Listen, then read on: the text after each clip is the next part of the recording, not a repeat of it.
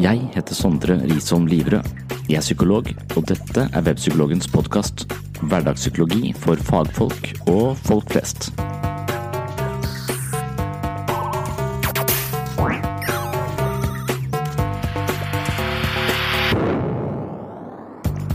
Jeg skriver på en bok som heter Psykologens journal. Den kommer ut til høsten, men allerede i mars ble jeg bedt om å snakke litt om dette prosjektet på et arrangement i regi av Human-Etisk Forbund. Jeg skulle snakke om indre uro og store spørsmål, men jeg var usikker på hvordan jeg skulle gripe det an. Jeg var midt inne i en rekke temaer knyttet til tro og tvil, og mange av dilemmaene ga meg en viss uro. Og spørsmålet var hvordan jeg skulle formidle dette. Det endte med at jeg begynte i kapittel én, og kom ikke så mye lenger. Jeg hang meg fast i spørsmålet om fri vilje, og jeg var usikker på om dette var et tema som folk interesserte seg for. Biblioteket i Kristiansand var fullsatt, og jeg var mer nervøs enn vanlig. Jeg er usikker på hvorfor jeg var så opptatt av å lykkes på akkurat dette arrangementet.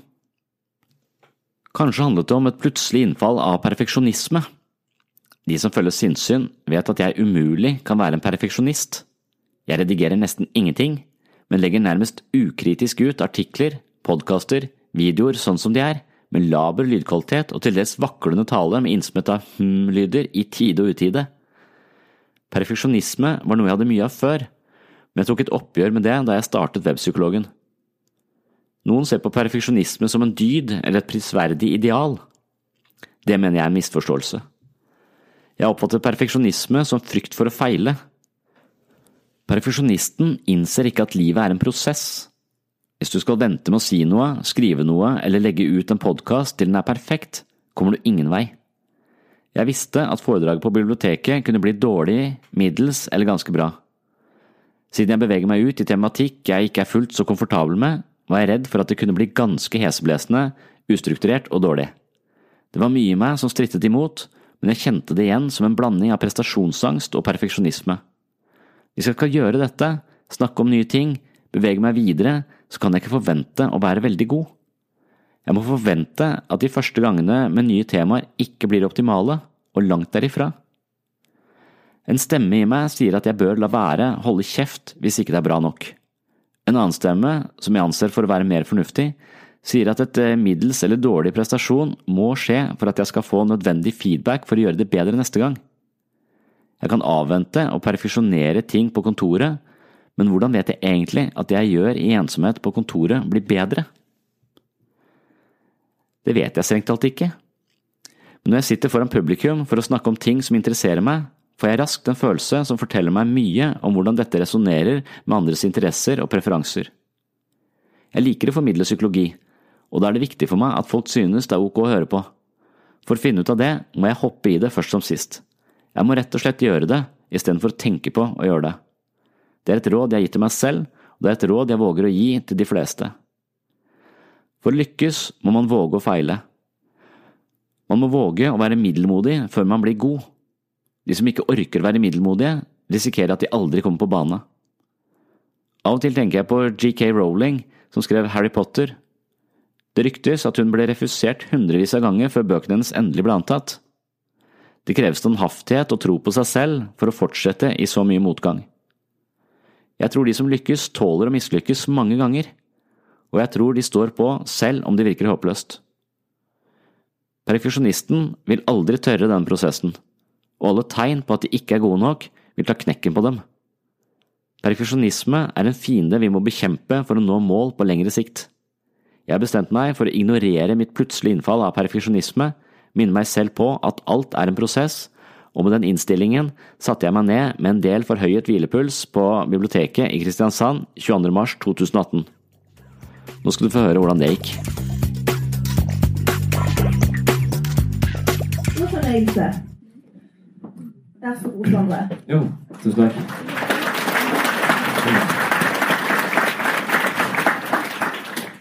Ja. Um, det er noe i meg som skulle ønske at det ikke kom så mange, egentlig. Uh,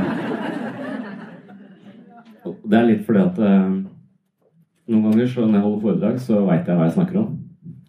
Det gjør jeg ikke i dag. Og jeg skal prøve å snakke om ting som jeg ikke har eh, snakket om så mange ganger før. Og så jeg sannsynligvis ikke kan noe om. Men så er fordi at jeg holder på å skrive en, en bok eh, som jeg har holdt på med i mange år, egentlig. Eh, og den handler om de store spørsmålene. Og den skriver jeg ikke fordi jeg kan så mye om de store spørsmålene, fordi jeg ikke kan så mye om de, egentlig. Eh, og det er dramaturgien i den boka er egentlig mitt møte med religion. Da. Så jeg har vært uh, noen år i Frikirken uh, og i andre sånne kirkelige sammenhenger. For, for det, tidligere i livet mitt var jeg veldig sånn bombastisk, ateistisk anlagt. Og det var noe, det var ikke noe veldig sympatisk side ved meg, egentlig. jeg, ble, jeg fikk forbud av kona mi mot å snakke om religion til folk vi ikke kjente veldig godt. Så, og, og, så, så, der var jeg egentlig Ja, der oppførte jeg meg litt ufint innimellom. Så, og så har jeg En av de tingene jeg har gjort mye av, er å lese selvhjelpsbøker. Jeg, solgte, jeg, jeg, leste 100 mest solgte selvhjelpsbøkene som uh, er på markedet. Og, og da plukket jeg opp en del tips da, om å bli et bedre, bedre menneske. Og en ting som jeg plukket opp, det var uh, det tror jeg det fra Benjamin Franklin, eller annet, en av de tidligste selvhjelpsbøkene nærmest. Han, han sa at du kan velge mellom å ha rett eller gode relasjoner. Og det tok jeg litt uh, innom meg, for jeg brukte mye tid på å prøve å være rett når jeg møtte folk. Og når jeg slutta med det, så, så, fikk jeg bedre relasjoner, faktisk. Og det var også en del av utfordringen da, med å gå inn i disse religiøse eh, miljøene. Og så et annet selvhjelpstips som sa at lat som om alle andre er opplyst, bortsett fra deg sjøl. Det var også sånne ting jeg satt og tenkte mye på når pastoren fortalte om de mest utrolige ting. så ja. Mm. Temaet i dag altså det er uro, men jeg, hele boka er full av min uro. Eh, så jeg skjønte ikke helt hvordan jeg skulle organisere denne, denne praten her. Da. Eh, så egentlig så måtte jeg bare begynne på starten, da. Eh, og så drev jeg knota, knota med det. Og starten handler En av de store spørsmålene er fri vilje. Det er et av de første kapitlene også var der jeg liksom begynte. da. Så lagde jeg masse powerpoint. Og når jeg har masse powerpoint, da pleier jeg å være dårlig. Så hvis jeg har én powerpoint, da er jeg sikker. Nå er jeg 20. Ganske usikker. Uh, og så jeg, begynte jeg litt sånn seint. Så denne uka her uh, så, så, begynte jeg å teste. Begynte å snakke med kona mi. Så skulle du dette er et spennende tema, så fortalte jeg litt om hva jeg hadde tenkt å si. Uh, og så sovnet hun nesten. da ble jeg litt usikker. Så tenkte jeg jeg må teste dette på jobb. På jobb sitter vi i en sånn gruppe hvor vi driver og diskuterer store spørsmål hver eneste uke.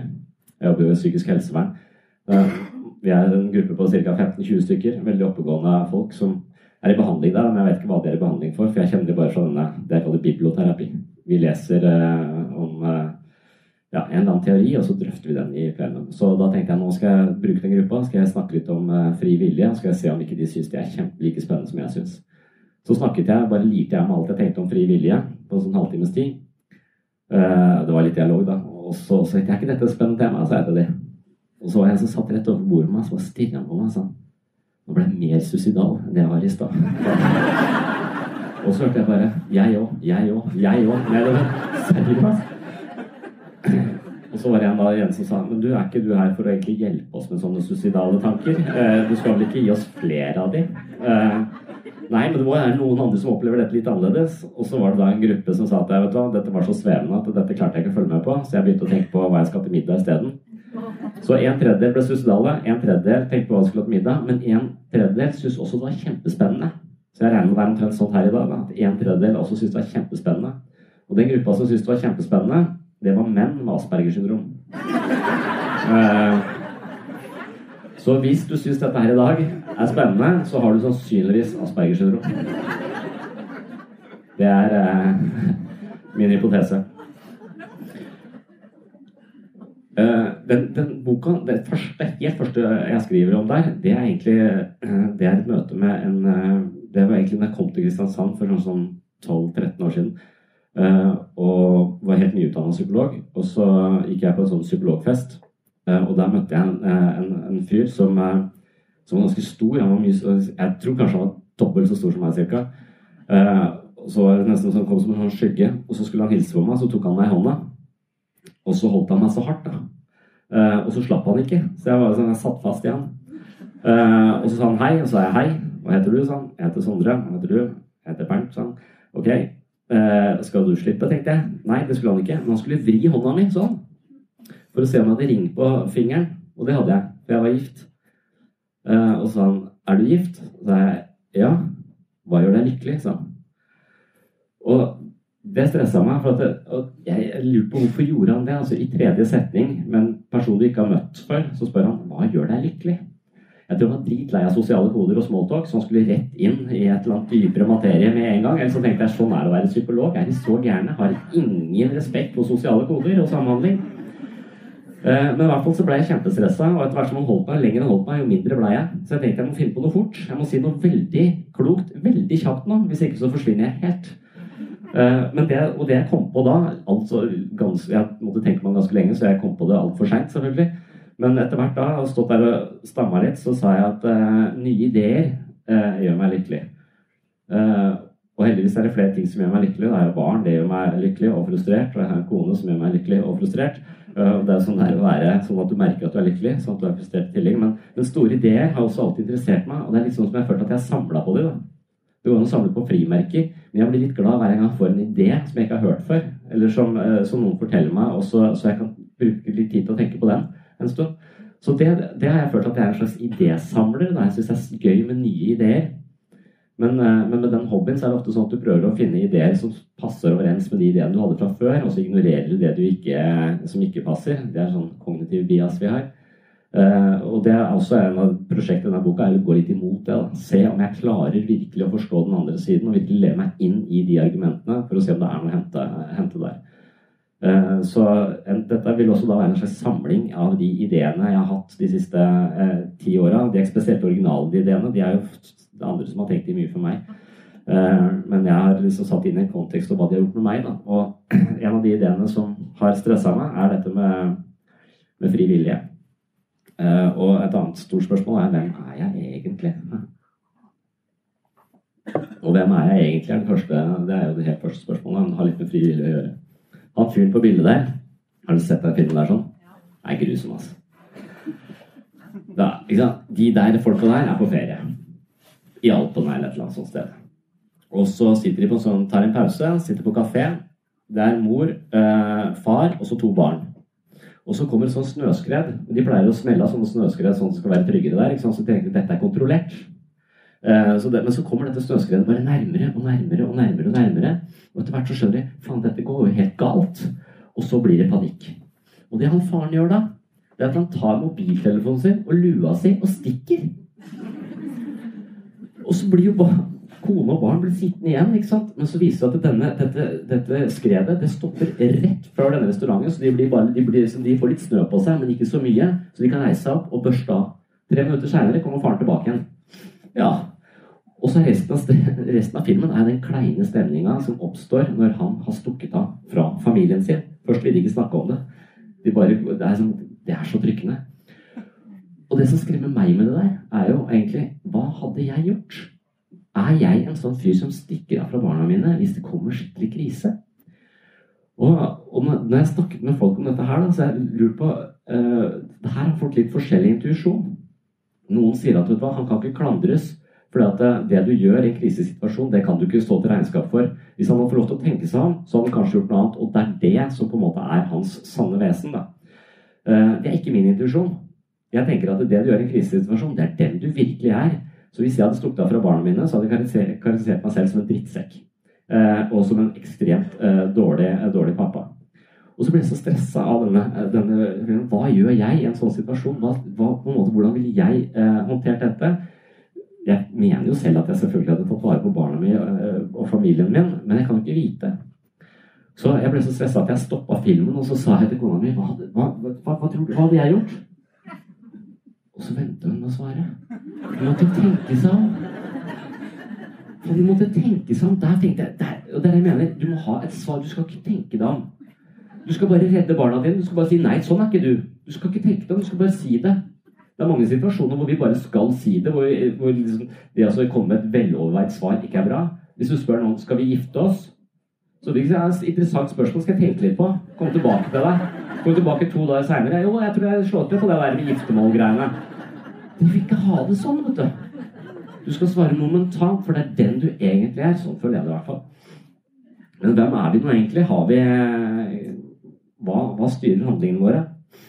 Og en av de tingene som, eh, som, jeg er, da, det er at jeg er sporty pappa.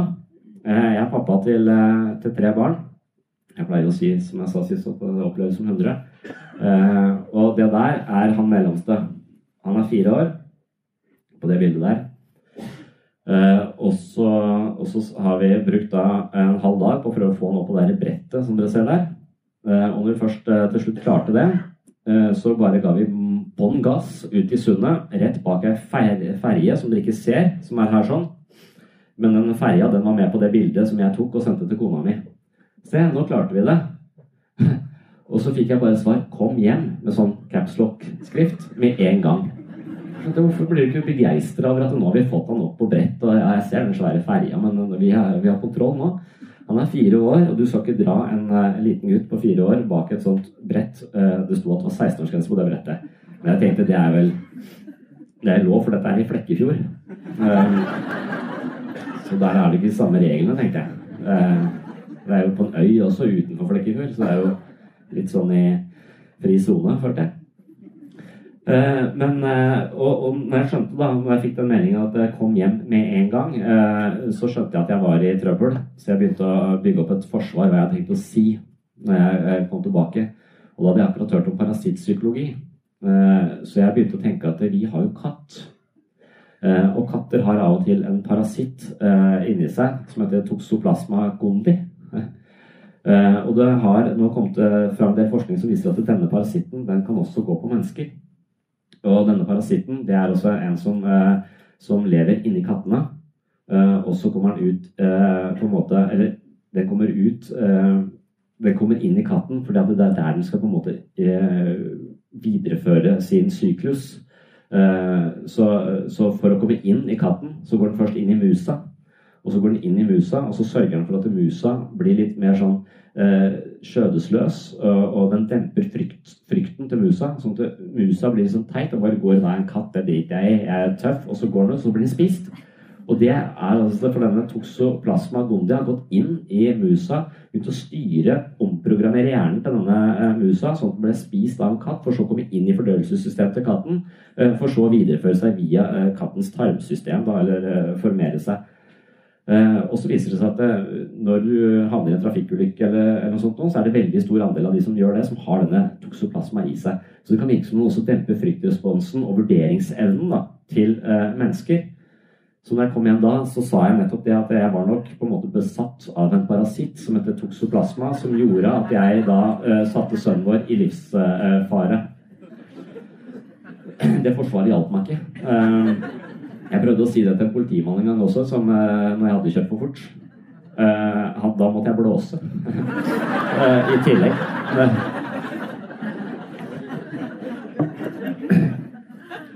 Men tenk på da, det der fins over halvparten av organismene som er på, er på jorda, de, er, de, lever som parasitter. Altså de lever på andre, andre dyr. Og en, det der klarer jeg ikke å uttale, det navnet der. Men en av de kjente eksemplene er denne mauren, som også blir besatt av en sånn eh, parasitt. Eh, og det den gjør da altså, Maure er jo de har jo forskjellige oppgaver. som Noen går ut og jobber, og noen passer på fortet. Og sitter en sånn tjukk, tjukken inni der og ikke gjør en dritt, tror jeg. Eh, men, men, i hvert fall de som skal ut og jobbe, da. Eh, de skal ut og hente Jeg vet ikke hva de driver med. Men i hvert fall så er det dumt hvis du er maur og klatrer opp på et høye, eh, eh, høye grasstrå og sånn. For da blir du ofte spist av drøvtyggere. Eh, men denne eh, parasitten her, den trenger å komme inn i en drøvtygger for å videreføre sin syklus. Så Derfor så går den inn og styrer hjernen til eh, mauren, sånn at mauren plutselig da, en dag får lyst til å klatre opp i, eh, i disse stråene, og, så, og, da går det jo galt. Da blir det, det nesten noen, litt sånn selvmordsmaur, på en måte.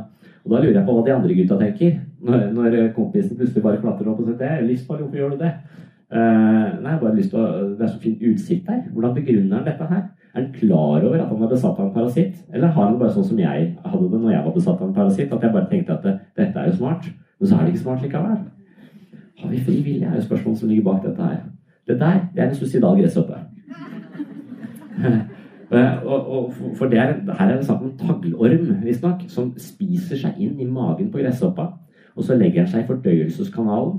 Og så tar den eh, en del av føden som gresshoppa spiser. Men etter 14 dager så blir den kjønnsmoden, og da må den på en måte formere seg videre. Og det må den gjøre i vann.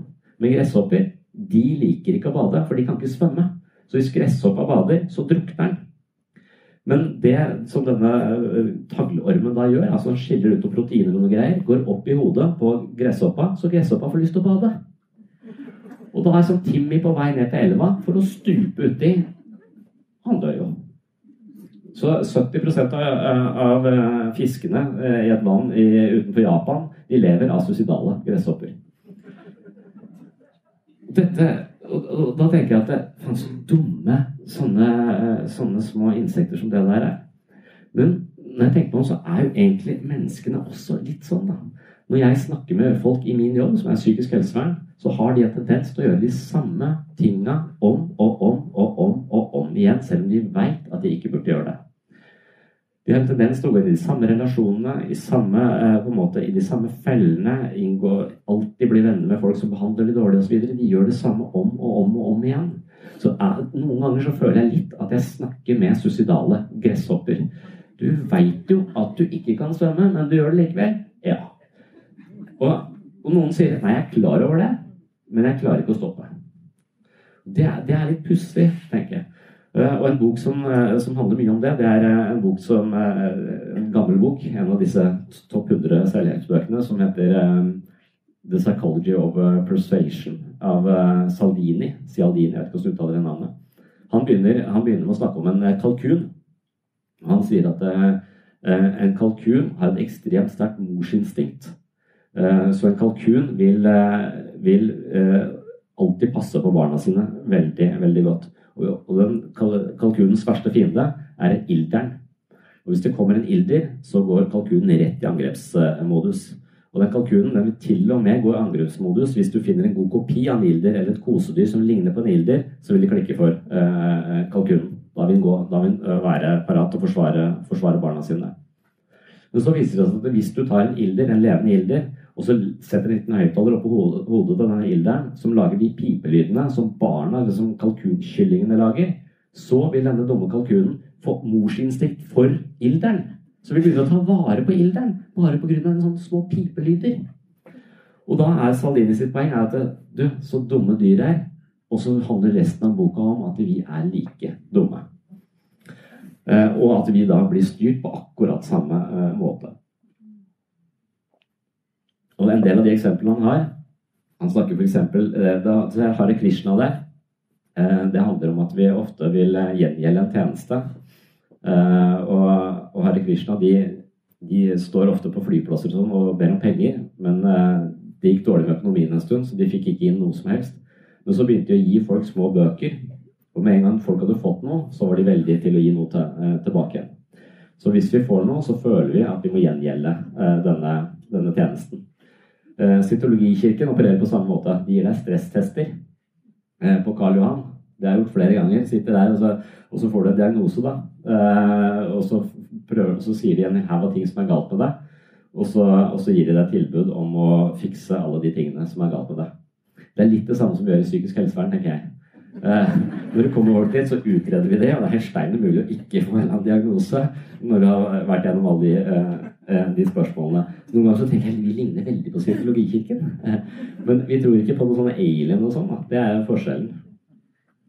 Eh, så, så, det er en måte å fange, fange, folk på. Og det er ikke bare det at vi vil gjengjelde en tjeneste. Altså, vi vil heller ikke si nei til en gave. Det er også, også ting. Så det, hvis du vil styre mennesker, så kan du også da gi dem en gave, for de føler seg på en måte programforplikta til, til, å ta det imot. Bilselgere vet dette, ikke sant. Og, og bilselgere de jeg har en kamerat han, han, er så interessert i biler. Jeg er ikke interessert i biler. Men hver gang det kommer en ny bil eh, på markedet som han er interessert i, så går han til forhandleren og så spør han om å få prøvekjøre og later som han er interessert i å, å, å, kjøpe den. Og så kjører han seg en god runde med den bilen, og så kjører han tilbake igjen, og så kjøper han, så bare går den. Det er psykopat, tenkte jeg. Hvis jeg først har prøvd en bil, så jeg, føler jeg at da må jeg kjøpe den. Eller jeg må nesten kjøpe to, føler jeg. Og det vet, vet bilselgere. Og bilselger vet at det, jeg husker ikke hvor mange prosent men sånn 20% større sannsynlighet for at de selger en bil hvis de får deg til å skrive navnet ditt et sted, f.eks. Det er ikke noe forplikt på å skrive navnet ditt her, så skal de sende deg noe informasjon. Hvis du har skrevet navnet ditt, lagt igjen et eller annet, fått et eller annet, så føler du i mye større grad at du er forplikta til denne eh, bilselgeren. Og jeg føler det veldig, veldig, eh, veldig sterkt og har problemer med dette. Men da jeg leste boka til Soldini, så så jeg alle disse fellene, og det er kanskje litt lettere å, å, å komme ut av det. Så i, når det gjelder dette med å skrive ned noe, så vi liker også å være konsekvente. Det er en annen sånn triggerpunkt. Så hvis du vil styre atferden til folk, så, så, kan du spille på dette at vi har en tendens til å like å fremstå som konsekvente. Vi liker ikke å være sånn vinglepettere som går fra det ene til det andre. Toys R Us har tatt dette inn over seg. Det er lenge siden dette nå, så jeg vet ikke om de gjør det fortsatt. Jeg har et inntrykk av at de gjør det, for jeg har gått i den fella. Men Toys R Us de reklamerer for liksom årets leke i desember, ikke sant? og så vil barna ha den. Uh, så, ja, vi vil ha den. Og så, så ja, ok, det er, er det eneste ja, denne, ja, da må dere få den. tenkte jeg. Så er jeg på vei opp på Toys R Us sånn 15. desember, så er det utsolgt. Faen, tenkte jeg. Nå, nå, jeg, nå, får ikke det de vil ha, nå blir de skuffa. Nå må jeg kjøpe noe som er litt dyrere og litt bedre, sånn at de ikke blir eh, skuffa på julaften. Og så kjøper jeg noe som er litt dyrere og litt bedre til julaften. Også i januar så kommer denne leken tilbake på lager. Og så begynner de å reklamere for den på nytt.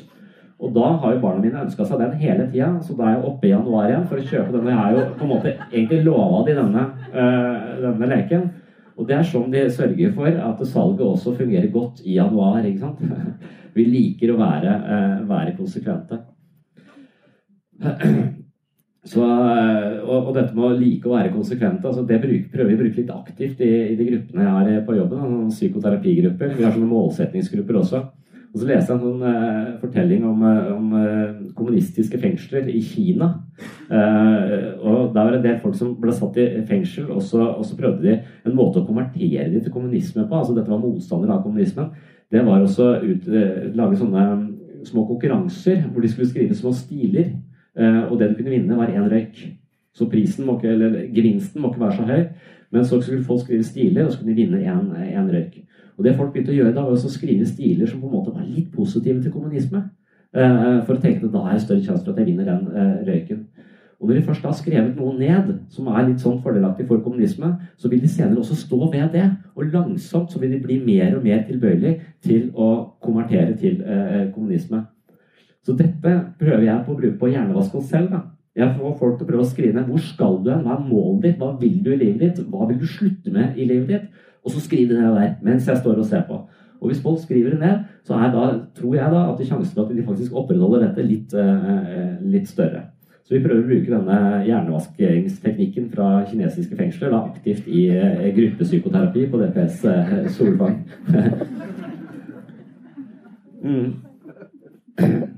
Så har du den der fuglen der, at vi, vi, trenger sosiale bevis også. Det er en sånn ting eh, som trigger oss. Altså, sånne sitcoms og sånn, så er det alltid på, lagt på latter. Det er Da er det større sjanse for at vi tror andre ler. Da er det morsomt. Da må jeg også le.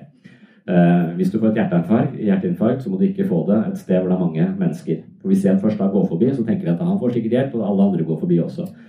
Det var en kvinne i USA på 60-tallet som ble stukket ned 28 eh, ganger med kniv eh, på åpen gate over en periode på 30 minutter, men ingen grep inn. Så hvis du først får et illebefinnende, så gjør det på et sted hvor det ikke er så mye folk. Eh, for hvis folk først begynner å gå forbi, så ser alle andre de ser etter sosiale bevis. Hva skal vi? Hvordan skal vi håndtere denne situasjonen? Jo, vi skal gå forbi. Ok, da gjør vi det. Ja. Uh, hun der dama som selger ting, ting der, hun, hun, vil alltid spørre deg når hun skal ha penger til veldedighet. Så vil hun spørre hvordan har du det da? Jo, har det fint, sier du da. Ni av ti ganger sier vi at vi har det bra. Og når du først har det da bra, så du måte, er du vel raus nok til å gi litt til veldedighet? Eller blir du plutselig da en sur grinebiter som er gnien og ikke vil gi noe? Nei, nei, vi liker å være konsekvenser. Har vi det bra, så må vi stå ved det. Og da har vi vel også overskudd, eller er vi også ganske rause, så at vi kan gi litt til eh, veldedighet. Så det er mange sånne triks for å trigge, for å trigge oss. Og hjernen er full av sånne fallgruver da, som vi på en måte vi tror kanskje vi handler fritt, men så er vi styrt av en haug av sosiale faktorer. Dette vil ikke si at vi ikke har noe fri vilje, men det vil si at vi på en måte er, vi er veldig lett, vi lett, utsettes lett for manipulasjon. Uh, og mobiltelefonen der er jo også en sånn ting som jeg har tenkt at uh, stjeler livet vårt og, og, og, manipulerer oss og tar tiden vår.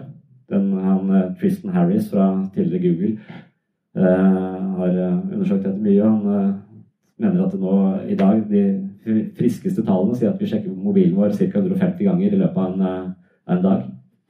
Det er ganske mye. Så da går vi rundt med sånne ting som på en måte styrer atferden vår nesten helt automatisk i lomma. Det er jo litt som å Ja, det er litt som å putte en sånn enarma banditt på ryggen til en som er spilleavhengig. Som kan gå sånn også og spille på, på pengespill hele dagen. Så ja, det er mange, mange sånne, sånne ting som ikke nødvendigvis sier at vi ikke har noen fri vilje, men det sier at fri viljen vår er ofte manipulert på en eller annen måte uten at vi er klar uh, over det. Det bildet som er der, jeg vet ikke hvorfor jeg tok med det, det er bildet fra Det ser ut som det er noe på Mars. Eller det er fra Mars, da, men det ser ut som det er noen der. Uh, jeg tror egentlig ikke det bor noen på Mars, jeg tror de har funnet ut det nå, men det, ser, det der ser litt skummelt ut. Og det heter pareodelia. Jeg vet ikke om jeg sier det riktig engang, men det fant jeg ut at var et fenomen Eh, og det er rett og slett et fenomen hvor vi både sansene våre eh, blir lurt til å tro noe, og så tillegger vi det en betydning som er eh, falsk. da. Jeg husker jeg drev med det da jeg var liten. Da, da husker jeg når vi er var sånn 12-13 år gammel, så satt vi i kjelleren til en kamerat som het Thomas. Og så vi, eh, spilte vi en plate baklengs. Jeg tror det var Led Zeppelin som vi spilte baklengs. For vi mente at hvis vi spilte den baklengs, så, så, sa, så hørte vi at teksten var uh, 'Welcome my sweet Satan', eller et eller annet sånt noe. Så det var et eller sånn satanisk å spille den plata baklengs. da, For Robert Plant var en mystiker, og han andre var liksom hadde fått denne teksten i en drøm. Så her var jeg en eller annen sånn der kontakt med Og paradelia er altså sånne fenomener som vi ofte tillegger da en slags spirituell betydning, men som egentlig bare er sansebedrag. Men vi spilte den baklengs, og så kommer søstera hans inn i rommet og spør om hva driver dere med. Hun var hennes platespiller, var litt forbanna. Var egentlig ofte veldig sur. Um, og så sa vi at uh, vi påkaller djevelen fordi vi spiller denne plata baklengs. Uh, og så sa han for det første så fins ikke djevelen. Og for det andre, hvis han fins, hvorfor vil dere ha han inn på rommet? Og da bare slått Thomas platespilleren. Det hadde vi ikke tenkt på. Eh, så også en sånn ting hvor hjernen vår blir lurt da, til, eh, til, å tro uh, forskjellige ting. Og den siste der, altså hvordan vi også blir lurt, det er jo at vi, vi adlyder autoriteter. Vi gjør det som autoriteter sier at, uh, at det er lurt, og det er Milgram, denne psykologiske studien Milgram, som mange sikkert har hørt om, som som gjør at opp mot 65% av alle de eh, personene han hadde inne i laboratoriet sitt, var villige til å administrere strøm til et annet menneske over dødelig dose hvis en mann i hvit frakk sa det til dem. Så vi er altså alle sammen tilbøyelige til å drepe noen hvis vi tenker at det er en autoritet som, eh, som forteller oss at vi skal, at vi skal gjøre det. Uh, ja. Darren Brown, sett han. Jeg vet ikke om denne videoen funker. Det kan være at den ikke funker. La oss se på den bare. Why is it wrong? I, I want to talk to the auctioneer. You did talk to the auctioneer. You helped him set these prices. It's completely. It's just not right. Ready? Those pills, Chris. Chris, I'll call it ambulance. Find the pills and bring them back. Chris is enmeshed in a web of lies, and that's important. I need him to feel like there's only one way out when he's told to commit murder. My name is Darren Brown, and the question we're considering is simple. Can we be manipulated through social pressure to commit murder? 70 people coming in here. They can't see this. Take them by the 70 actors will be playing out a meticulously planned and rehearsed scenario to manipulate this man who has no idea he's being filmed. Come on, guys. What are you going to do? He's a millionaire. He's going to make sure you go to jail. This show is about how readily we hand over authorship of our lives every day just give me one big push. Can social compliance be used to make someone push a living, breathing human being to their death? Welcome to the push. Mm. Ja. Så det er liksom en moderne Milgram, da. Darren Brown driver og lurer folk med sånn psykopatpsykologi. Han må jo være ja, vet ikke om jeg skal avsløre det, men, og jeg vet heller ikke om dette her er, er sant. Men Dan Brown har vært en sånn, har hatt en sånn høy stjerne i skeptikermiljøet lenge. Og han er en sånn mentalist da, som vet at hvis jeg trykker på de og de knappene, så blir mennesket en kalkun. Så hvis jeg bare trykker der og der og der og der, så vil de gjøre akkurat det og det og det og det. og det. Eh, og det er ikke så mye plass til fri, fri vilje lenger. Det første han gjør her, er å på en måte få noen til å gjøre en tjeneste, eh, eller få denne personen til å gjøre en tjeneste for ham. Eh, ikke der blant med skuespillerne. Og da er det sånn mental bias vi har. altså Hvis vi først har gitt, gjort en tjeneste til noen, så er det veldig stor sannsynlighet for at du gjør det til samme personen en litt større tjeneste med en annen anledning. Og så sånn bygger han seg opp helt til noen står på taket og får da beskjed om å dytte en uskyldig person ned fra, eh, i, i, døden. Ifølge han så vi altså, er vi altså tilbøyelige til å gjøre, til å gjøre det. Så det er mange sånne Sosialpsykologien sånn er full av eksempler på hvordan vi på en måte lett lar oss manipulere og lett tenker at vi har handlet fritt, men at vi i utgangspunktet egentlig ikke har handlet så fritt som vi, som vi tror. Og psykologien eh, bygger også rundt den samme ideen. Eh, eller, og ideen er i mange Freud skal vi se på kanskje litt seinere, men, men, ideen er jo at vi, har, vi er utstyrt med en, eh, med en, en hjerne. En, en harddisk, kan man si, eller en, datamaskin. Kanskje en dårlig metafor, men den fungerer som sånn pedagogisk metafor i denne sammenhengen. Vi har en, hjerne Eh, men så har vi også en programvare i den hjernen. Denne programvaren som er den sentrale innenfor eh, psykologien. Da. Eh, og det er det psykologien er, er, er opptatt av. Og, og, de sier at denne programvaren den er ikke installert av oss sjøl, den er installert av andre mennesker. Så vi har en, en, datamaskin, og den datamaskinen den deler vi. Den er litt lik hos oss alle, men programvaren vår er helt unik. Det er bare jeg som sitter her nå og ser verden fra akkurat dette ståstedet. Dere sitter der og ser fra det eh, ståstedet. Og har, vi får hele tiden nye erfaringer. Eh, og vi møter mennesker, og særlig de menneskene vi møtte når vi vokste opp, hvordan de fortalte oss hvem vi var og hvordan verden fungerer, det på en måte utgjør grunnmuren i denne Eller det utgjør selve operativsystemet da, i hjernen som, et, eh, som en datamaskin. Og operativsystemet det er jo det vi bruker til å tolke ny informasjon hele tiden. Så avhengig av på en måte hva slags Har vi et godt operativsystem, så vil vi tolke data på en god måte. Men det er veldig mange, i hvert fall de jeg møter, som har et operativsystem som er ganske sånn negativt lada. Det har ofte vært på en måte vokst opp med mennesker som har kritisert de, oversett de, eller på en eller annen måte behandla de dårlig. Og da har de fått en forståelse av at de ikke er like bra som andre, at de ikke er like mye verdt som andre. Og de tolker alle nye situasjoner, alle nye utfordringer i det lyset. Jeg er ikke god nok, jeg er mislykka, derfor så tror jeg jeg unnviker denne eh, utfordringen, for det andre vet bedre enn meg. De stiller seg alltid bakerst i køen, kommer aldri på en måte til, For det er et operativsystem som forteller dem at eh, du burde ikke prøve, du kommer bare til å drite deg ut. Du får ikke til, det er typisk deg. Så den typen uh, operativsystem går vi ofte rundt med, og det er ikke, det er ikke noen objektive fakta. Det er dette som er, som er Freud sin idé det også. Derfor han hadde litt trang fødsel. Det tok litt lang tid før Freud kom i gang. For han hadde nettopp denne ideen om at, at alt vi opplever, er filtrert via operativsystemet, eller nevrosene våre, da, som Freud, Freud, sa. Så verden er ikke som du opplever verden, er ikke objektiv. Den er hele tiden filtrert via ditt eget mentale eh, operativsystem. Og Hvis du da kjører på Windows 95 i 2018, så vil ny data tolkes på en ganske dårlig måte. Det er veldig vanskelig å surfe på internett med Windows 95. Eh, i dag. Det har jeg prøvd. Og det å gå rundt med Windows 95 oppi huet sitt, det er også ganske, eh, eh, ganske vanskelig. Og det som psykoterapi handler om, er jo egentlig da å endre Det handler om å endre operativsystem eh, inni huet på oss, oss sjøl. Eh, oppdatere programvaren. Eh, og jeg, synes, jeg, trodde, jeg, trodde, at Windows 10 var et virus, jeg. Eh, så jeg stritta imot kjempelenge. For med en gang jeg fikk et nytt operativsystem, så skjønte jeg jo ikke en dritt. Eh, jeg måtte jo lære meg alt på nytt, følte jeg. Ingenting funka sånn som det skulle. Og litt sånn er det med huet vårt også. Vi liker å ha det samme operativsystemet, for det veit vi i hvert fall hvordan vi skal forholde oss til. Og selv om det operativsystemet på en måte hele tiden gir oss angst eller depresjon eller gir oss masse tankekjør, masse negative eh, ting, så vet vi hva vi har, og vi liker ikke nødvendigvis nye oppdateringer. Jeg vet at Windows 10 sannsynligvis er bedre enn Windows 95, men jeg liker ikke oppdateringen likevel. Men når du først kommer inn i det, så er det, er det bedre.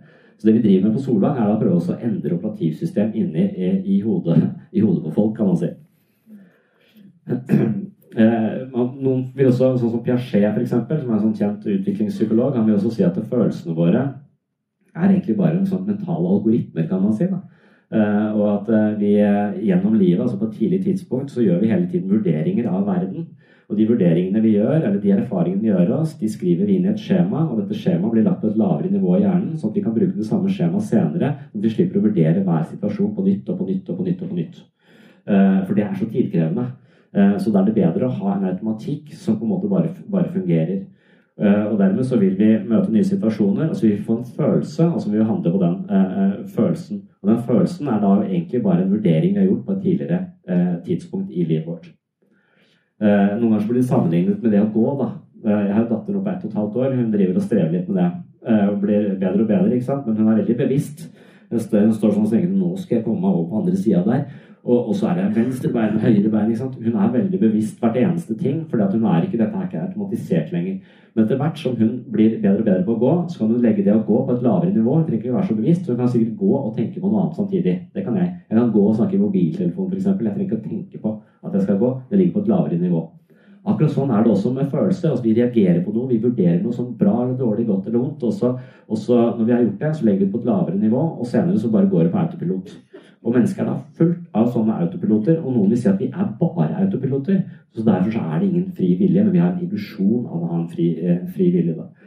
Så, men det, eh, man kan se for seg eksempel så møter man en liten eh, en hund når man er fire år, og den hunden glefser etter deg. og Da lager du et mentalt skjema som sier at lodne dyr på fire bein de er livsfarlige, hold deg unna. Og så legger du det skjemaet på et lavere nivå, og hver gang du møter noe som er loddent og har fire bein, så reagerer du med frykt og fight eller flight-respons eh, du går til angrep på bikkjer eller stikker av. Og Det er folk som går rundt og er livredde for hunder og har sånne mentale eh, skjemaer som kjører om og om igjen. Og Da har du liksom et skjema som sier at menneskets beste venn er livsfarlig for deg, så hold deg langt unna. Og det er jo eh, et, eh, en dårlig algoritme. Den algoritmen er jo eh, ikke spesielt brukbar. For er jo, det er jo hunder overalt, og de er jo ikke spesielt farlige. Og da må man, da må man tenke at psykoterapi handler da om å på en måte gå litt, ta et skritt tilbake, se sitt eget operativsystem. Eh, på en måte Se hvordan disse mentale algoritmene kommer, se hvordan følelser kommer og går, hvordan tanker kommer og går, og hvordan disse henger sammen med de tingene du har eh, erfart fra tidligere. Og så må du på en måte reinstallere, du må justere den eh, algoritmen. Eh, og det er det vi driver og strever med, og det er kjempevanskelig. skal se hvor vi kommer på neste lysbilde her. Nå ser det ut som vi kommer på noe neste lysbilde, egentlig. Hm.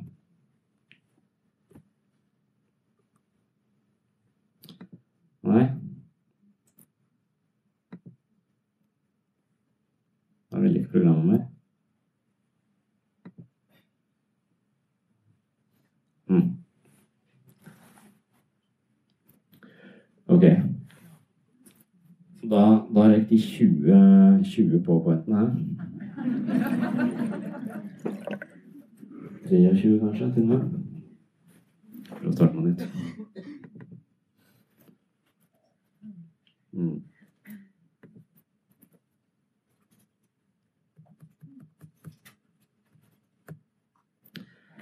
Ja.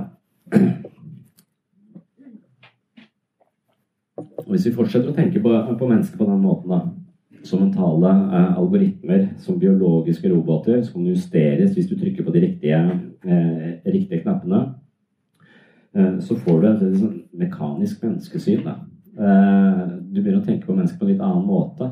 Du kan kanskje begynne å tenke på det litt mer som, som en bil, på en måte som bare må justeres hvis, den, eh, hvis det er noe galt. Eh, og Et eksempel på dette er fra Harari denne Homo Deus-boka. Jeg har også sett dette eksperimentet eh, flere steder. Dette med å drive og styre rotter. Fjernstyre rotter. Det tror jeg jeg snakket om så vidt sist også. Det er nok et eksempel på, eh, på Og spørsmålet er vil rotta oppleve at den har fri vilje. For det de gjør, er at de setter en sånn greie som ser på rotta der, oppå hodet til rotta. og Da kan de styre rotta med fjernkontroll. Den kan gå til venstre, den kan gå til høyre. Du kan også få rotta til å klatre opp noen opp på høye steder. Og kan få den til å hoppe ned, noen normalt sett ikke gjør. Eh, men det kan du gjøre altså med sånne fjernstyrte rotter som du har gått inn og på en måte stimulerer eh, hjernen på sånn måte at du har kontrollen. Så nå er det en mann i hvit frakk som står og styrer denne rotta i forskjellige eh, retninger. Og dyrevernere syns jo ikke noe om dette. De syns jo det er slemt gjort mot, mot rotta. Eller mot musa. Jeg vet ikke om det er en mus. Og og da sier de forskerne at nei, nei, det er det ikke. For at eh, hver gang de gjør sånn som de skal, så får de masse sånne endorfiner. Vi bare pusher på. Så de rottene der er i nirvana nesten hele tiden. Det er ingen rotter som har det så bra som de der. De har så mye nevrokjemi oppi huset som, som gjør at de har det kjempe, eh, kjempegreit. Og hvis du spør den rotta så, hvorfor hoppa du ned derfra, du pleier ikke å like å hoppe. Jo, jeg syns det er kjempegøy å hoppe. Jeg er en helt spesiell rotte. Så hvis de da opplever at de handler fritt, eh, mens de da likevel er styrt, så er det spørsmålet kan dette gjøres med mennesker også. Og da er svaret litt ja. Litt så kan det det. Kanskje ikke fullt så mye, men litt. De rottene kan du liksom, du kan bruke de, ikke sant? Du de kan gå inn i rasområder f.eks. De kan lukte på, de har god luktesans, de kan finne dynamitt. Eh, ting ikke vi har lyst til å gå bort til. Kan vi få det, så kan vi bare kjøre rotta bort. Så, så rotta kan finne folk i, i rasområder eller finne dynamitt eh, osv. Så, så de kan bruke fjernstyrte rotter til ganske mye. Så det er en eh, avansert fjernstyrt bil. ikke sant? Men neste spørsmål er kan vi gjøre det med mennesker. Og, og, og da mener eh, noen at ja, til en viss grad kan vi det. Vi kan jo ved å på en måte kunstig stimulere hjernen til folk, så kan vi jo fremkalle f.eks. religiøse opplevelser. Vi kan også fremkalle en følelse av kjærlighet. Vi kan fremkalle aggresjon. Eh, og en hel haug av andre følelser kan vi på en måte trigge. Eh, og bare denne triggermekanismen bare blir sofistikert nok, så kan vi sannsynligvis da lage hjelmer som får oss til å ville ting som er bra for oss, f.eks. Og det er det jeg ser for meg da, at Hvis denne teknologien da går videre, og vi er litt sånn rotte at vi kan på en måte bare styres, disse mentale algoritmene våre kan bare omprogrammeres litt ved at vi går rundt med en sånn hjelm som vi har kjøpt på Fremtidens apotek for 500 kroner med gratis oppdateringer i fem år. Så får du, når du kommer hjem fra jobben, så får du dritlyst til å spise brokkoli og jogge samtidig. Og så har du superlyst til å leke med barna med verdens beste tålmodighet. Og, og, og hvis det er det, det er det du har lyst til, spiller det da noen rolle at det er hjelmen som får deg til å ha lyst til akkurat det? Normalt sett så har du lyst til å legge deg på sofaen, håpe at barna ikke lager for mye bråk, og så spise en sjokolade. Men det dør du jo veldig tidlig. Jeg er redd for å dø, så det er jo dårlig livsstil. Men du skal, du skal jobbe en del for å, komme, for, å, for å på en måte motstå de fristelsene der. sånn. Og hvis du da har hjelm som bare kan styre eh, hjernen din, vil ikke det være ganske praktisk? Eller vil det gjøre noe med samfunnet vårt? Jeg har jo sagt at jeg er litt interessert i å ha sånn hjelm selv, men jeg vil ikke at alle andre skal ha det. For det som er gøy med å være i verden, er at folk driter seg ut litt og, og, gjør ting som er feil, og gjør ting som er galt. Hvis alle gjør det som er riktig hele tiden, så får vi sånne superjoggere overalt som bare spiser sunt. Åh, og jeg syns jo de er de mest irriterende folka i verden. Så hvis vi da plutselig får et helt samfunn av det, på en måte Og det er det som skurrer der, ikke sant? Å tenke på mennesket som en sånn mekanisk eh, på en måte eh, prosess. Eh, og de tar det opp i Clockwork Orange. Dere har kanskje sett den eh, Stanley Kubrick-filmen. Eh, gammel nå, men det der er jo Alex eh, som Det beste han veit, er å voldta folk og banke de opp. Og så liker han én ting som er bra, det er Beethovens 9. symfoni. Men det å gå rundt og banke opp folk og voldta de, det er jo ikke spesielt Det tillater jo ikke samfunnet, så han blir bura inn. Og så får han en type behandling hvor han da der sånn blir tvunget til å stirre på vold og faenskap på en skjerm mens de induserer et middel inn i, armen hans som gjør at han blir kvalm. De skal lage en assosiasjon mellom det å se vold og kvalme. Så når han da er ferdig omprogrammert, så vil han gå ut på gata, få en impuls om å slå noen ned, men så vil han bli kvalm, og derfor så vil han ikke gjøre det. Og sånn har de på en måte gjort han frisk. Eh, og det verste med den filmen er at jeg sitter og tenker faen, det er jo dårlig gjort mot Alex. Han må jo få lov til å voldta og drepe sånn som han. Det er det han liker, det er det han har lyst til. Så på han også klarer å heie på Alex i den filmen der. Det er litt merkelig. For det er et eller annet galt med å drive og tenke sånn om mennesker at vi kan programmere det på den måten der. sånn. Og ja, ok, Charles uh, Joseph Whitman. Uh, og en av disse tingene er liksom Langsomt nå så vil dette, dette, vil ikke si at vi ikke har noe fri vilje, men langsomt så vil vi på en måte bevege oss enda lenger inn i hjernen. Hver gang, hver gang Vi finner stadig ut, mer ut om hvordan hjernen fungerer. Eh, og jo mer vi finner ut av, jo mindre plass er det til, til, fri, eh, til fri, vilje. Og Charles eh, Whitman der, han var jo en, en han, han, jo, han, hadde 138 IQ, var en smart, sånn begavet type. Han var egentlig godt likt, en uh, jovial fyr. Eh, og så etter hvert utover ungdomsåra så begynte han å bli litt sånn småaggressiv, fikk noen sånne anfall. Og på et eller annet tidspunkt så dreper han kona si, mora si og 16 mennesker fra et eller annet tårn i, i, i Texas. Men før han blir drept, så skriver han også et brev og sier at vet du hva, jeg elsker kona mi og jeg elsker moren min. Eh, jeg vet ikke hva som eh, kommer over meg, men jeg tror det er noe galt med hjernen min. Ta så Sjekk det før du begraver meg. Og Da viser det seg at han har en stor eh, tumor i et sted rundt amygdala, tror jeg, som på en måte kan forklare mye av den oppførselen han, han utviste. Og med en gang vi tenker at ja, han hadde en tumor i hjernen, så kan vi på en måte ikke klandre han like mye som det vi kunne hvis han bare er en ond person. Men hvis eh, på en måte eh, vi alle på en måte er bare forhåndsprogrammerte, har bare masse mentale algoritmer som vi egentlig ikke har kontroll på, alt vi på en måte tenker og føler er et produkt av hvordan vi har blitt møtt, av kulturen som er rundt oss osv., så, videre, så kan vi egentlig stå ansvarlig for noe som helst. Så noen av de som er skeptiske til fri vilje, sånn som Sam Harris, eh, på en måte, som har dette eksempelet her, mener at det er tumor er bare et spesielt tilfelle av å ikke ha fri vilje. Ingen av oss andre har heller fri vilje. Så dermed så kan vi ikke klandre noen. Ingen kan egentlig stå ansvarlig for noe som helst. Vi må bare tenke på det. Epilepsi, f.eks. Først så trodde man at det var sånn besatt av djevelen osv. Nå vet vi jo hva epilepsi er for noe. Og når vi tar fra en epileptiker førerkortet, så er det ikke for det å straffe vedkommende. Det er for på en måte at det skal sørge for at han ikke eh, får et anfall i, i, i, trafikken. Så vi tenker ikke på epilepsi som ondskap eller besatt av delen. Vi forstår at dette er en, en hjerneorganisk ting som sørger for disse krampeanfallene osv. Og, og da kan man tenke litt på mennesket nettopp som en bil. Og hvis et menneske, Men man kan også tenke på onde mennesker på den måten. Det er bare et feiljustert menneske. Eh, så, og hvis dette mennesket er feiljustert, så må vi sette det i garasjen og så må vi se om vi kan fikse det med en eller annen hjelm fra fremtiden. Og hvis vi ikke kan fikse det, så må den, den personen bare stå i garasjen. Hvis du har en bil som er ødelagt, så setter du den i garasjen. Og hvis bremsene ikke funker, så prøv å fikse bremsene. Hvis du ikke kan fikse bremsene, så tar du ikke den bilen ut på veien igjen. Det er sånn vi må forholde oss. Så når folk gjør gale ting, så må vi ikke dømme dem. Vi må bare på en måte se om vi kan reparere dem, og hvis ikke, så må de bare være eh, borte fra eh, samfunnet. En veldig mekanisk måte eh, å tenke på. Mm. Og ja, snakket litt om, litt om Freud, da. Jeg vet ikke Vi begynner å Ja. Så spørsmålet er hvordan, eh, hvordan kan vi forholde oss til eh, Eh, til, til, dette. Hvordan forholder jeg meg til? Og dette er en av de tingene som har gjort meg rolig. ikke sant? Har jeg fri vilje, eller har jeg ikke fri vilje? Er jeg bare en sånn der, eh, biologisk eh, maskin? Og, når jeg satt og skrev om dette her og begynte å, å, tenke på, eh, på, på, fri vilje, så kom kona mi inn eh, og så sa hun, du vet hva, nå klokka over elleve, jeg går og legger meg. Ja, fint, det sa jeg. Ja, jeg elsker deg, sa hun. Sånn, jeg elsker meg. Du er jo bare en biologisk rugemaskin som har, som har fremkalt tre barn, og nå sier du disse tingene for at vi skal holde sammen, for at ingen av oss er kapable til å ta oss av de barna her aleine. Så dette er, dette er, bare en slags sånn del i ditt overlevelsesprosjekt. Du er på en måte styrt av alle disse DNA, gener osv. Så, og så, videre. så elsker deg betyr ingenting for meg lenger.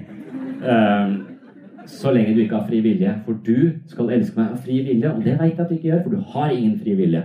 Og der satt jeg dypt og inderlig deprimert, egentlig. Dette, dette, livssynet blir deprimerende for meg. Hvis jeg ikke har noe fri vilje, så veit jeg ikke hvordan jeg skal forholde meg til noe som helst.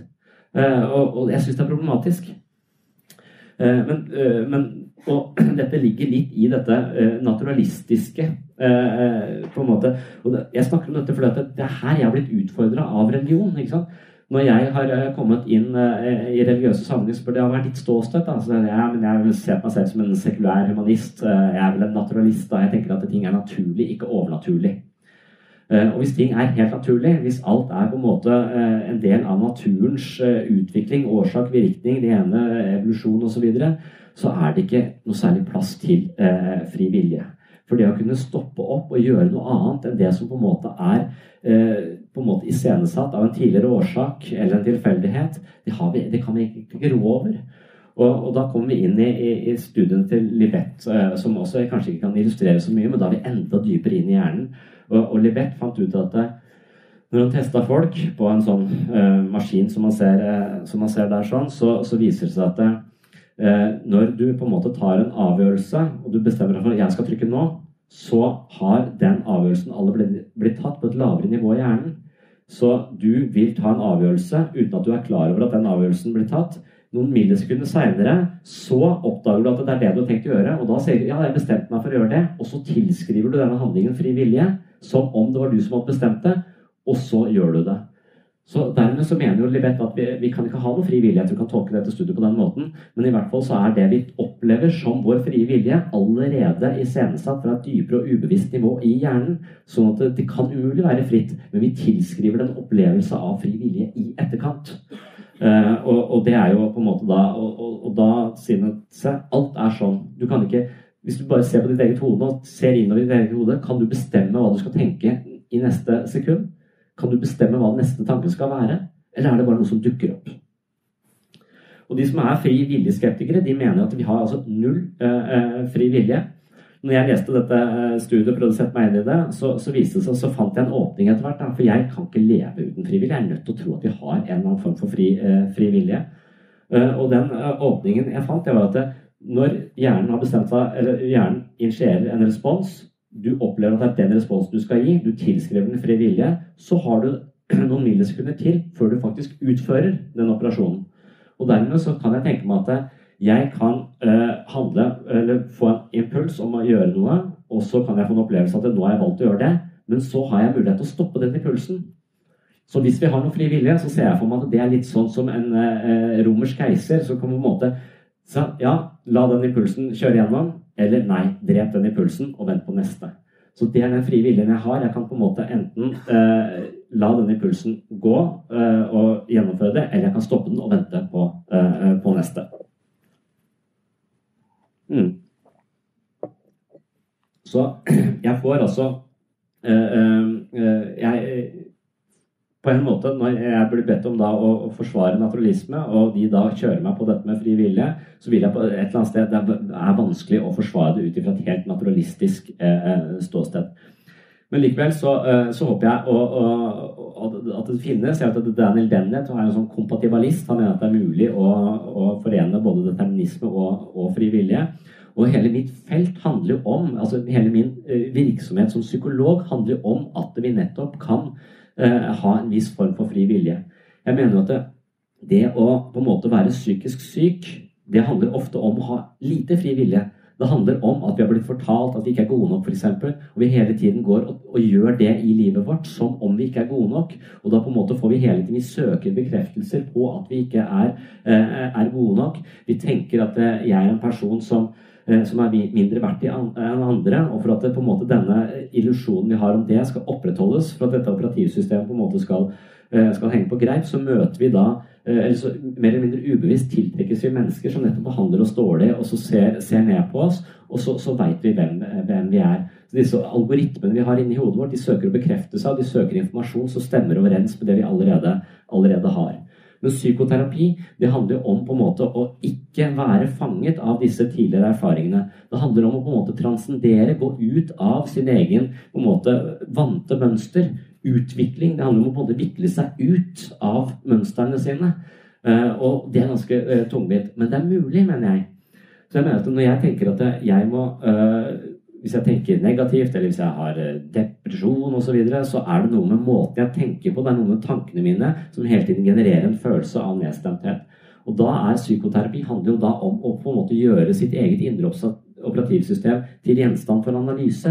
Jeg må gå ut av meg selv, jeg må se hvordan fungerer dette eh, operativsystemet. Hvordan kommer tankene, hvordan kommer følelsene? Og når jeg ser det, når jeg ser sammenhengen mellom hvordan jeg har blitt behandla, kanskje jeg har blitt mobba osv., hvordan det har gitt meg en frykt for andre mennesker. Jeg er redd for at de skal le av meg, lure meg, manipulere meg. Så jeg går alltid rundt på alarmberedskap når jeg møter andre mennesker, fordi jeg har denne frykten i meg som stammer fra den eh, episoden der sånn. Men det å generalisere ut ifra de menneskene som har behandla meg dårlig, til å tenke at alle mennesker er potensielle overgripere for meg, det er kanskje ikke den beste algoritmen. Kanskje jeg bør begynne å tenke litt annerledes om eh, andre mennesker. Og I dette momentet så trenger jeg en slags frihet, føler jeg. Jeg tenker at jeg er nødt til her å kunne ha frihet til å gjøre annerledes i disse, eh, disse nye situasjonene. Men da må jeg være bevisst. Jeg må være bevisst i nye situasjoner for å ikke gå på autopilot. Men en av de tingene som Freud har eh, på en måte blitt bevist på, at det er noe som heter nevropsychoanalysis nå, som går og sjekker hva er det noe i det Freud sa. Og Freud snakket jo om det ubevisste, og at veldig mye av det vi foretar oss, er generert av ubevisste eh, eh krefter. Og, og dette, disse nevrofolka og disse psykoterapeutene har nå gått sammen og de har funnet ut at over, opp mot 95% av alt vi foretar oss, er altså generert av ubevisste krefter. Og det å på en måte bør det ikke være fanget av denne automatikken, det handler jo om, som Freud sa, altså gjøre det ubevisste bevisst. Vær bevisst bakgrunnen for disse handlingene, og så kan du faktisk klare å, å, å endre det. Så det er jo grunnideen i psykoanalyse, og egentlig grunnideen i all psykoterapi. All psykoterapi handler om å se sitt indre liv. Det handler om å gå utenfor og observere sitt eget indre liv. Kognitiv terapi det handler om å se på tankene sine. Ikke være tankene dine, men se på tankene dine. Problemet er at vi tror på tankene våre hele tiden. Og det er her denne på en måte innsikten kanskje kan brukes. Altså, Du må ikke stole på tankene dine, for de er korrumperte. De er jo på en måte eh, farget av alle erfaringene dine, alle nevrosene dine. Det er jo et operativsystem som ikke forteller deg sannheten om hvem du er, eller om hvordan verden fungerer. Så du må være skeptisk til det. Så det å være kognitiv terapi handler om å hvile som observatør til tankene. Se de komme, se de gå. Affektbevissthetsterapi handler om å se følelsene, ikke være fanget av følelsen. Når du er fanget av følelsen, så sitter den bare i magen, og du får hjertebank. Når du tar et skritt tilbake og beskriver følelsen inn i et språk, så kan du løfte den fra kropp til innsikt. Det handler om å på en måte se sitt indre liv, være bevisst seg selv, bevisst sitt eget indre liv, for å endre kurs i livet. Og Da ser jeg kanskje for meg at vi er som en, eh, som en skute. da. En skute kan aldri Vi kan ikke styre været rundt oss. Det vil alltid kan blåse i mange retninger. Men vi har en mulighet til å styre skuta til en viss grad ved at vi på en måte er skipper på egen skute og tar ansvar for denne egne, egne skuta. Og på sett og vis så trenger jeg da fri vilje, føler jeg, for å, eh, for å drive denne, eh, denne virksomheten. Hvis, hvis, ikke, hvis, ikke, vi har noen måte frihet til å stoppe alle disse eh, faktorene som, som styrer oss, så vil vi bare være som kuler på et biljardbord. Og vi vil bare, bare handle ut ifra hvordan vi har blitt støtt av tidligere erfaringer og tidligere kuler hele tiden. Og veldig mange av oss går rundt som sånne nikkedukker. Vi går jo rundt, og opp mot 95% av alt vi foretar oss, er styrt av disse ubevisste kreftene. Skal vi endre oss, så må vi observere det. Og da må vi på en måte være Da må vi være eh, Jeg tenker at Når min datamaskin ikke fungerer, så får jeg sånn beskjed kontakt systemansvarlig. Hvem faen er systemansvarlig? Jeg heter det er IT-avdelingen på sykehuset, så jeg ringer de.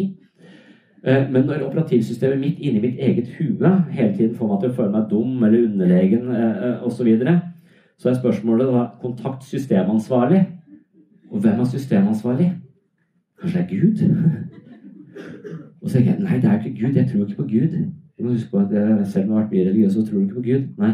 Eh, så systemansvarlig, det må være meg selv. Jeg er systemansvarlig for mitt eget operativsystem. Så jeg kan ikke bare fortsette på autopilot der. Jeg må begynne å eh, endre min egen måte å tenke og, og, og føle på. Og da går jeg litt ut av meg selv, på en måte, og så kan jeg på en måte transcendere denne automatikken ved å koble meg selv om. Så jeg er ikke som en datamaskin, jeg er en datamaskin som kan på en måte reprogrammere seg selv. Og det gjør meg til Gud, tenker jeg. Og da, sånn så, nå tenker jeg nå er jeg Gud. Og da er det én ting Han tenker også at han er Gud. Eh, så der ligner vi, eh, ligner vi litt. Det er meg, Donald Trump, som tror at vi er, eh, er, er Gud. Ja. Så fri vilje er eh, et sånn eh, tematikk som de med Asperger syns er interessant. Eh, det er, også mye å si om det som jeg ikke kan, si nå.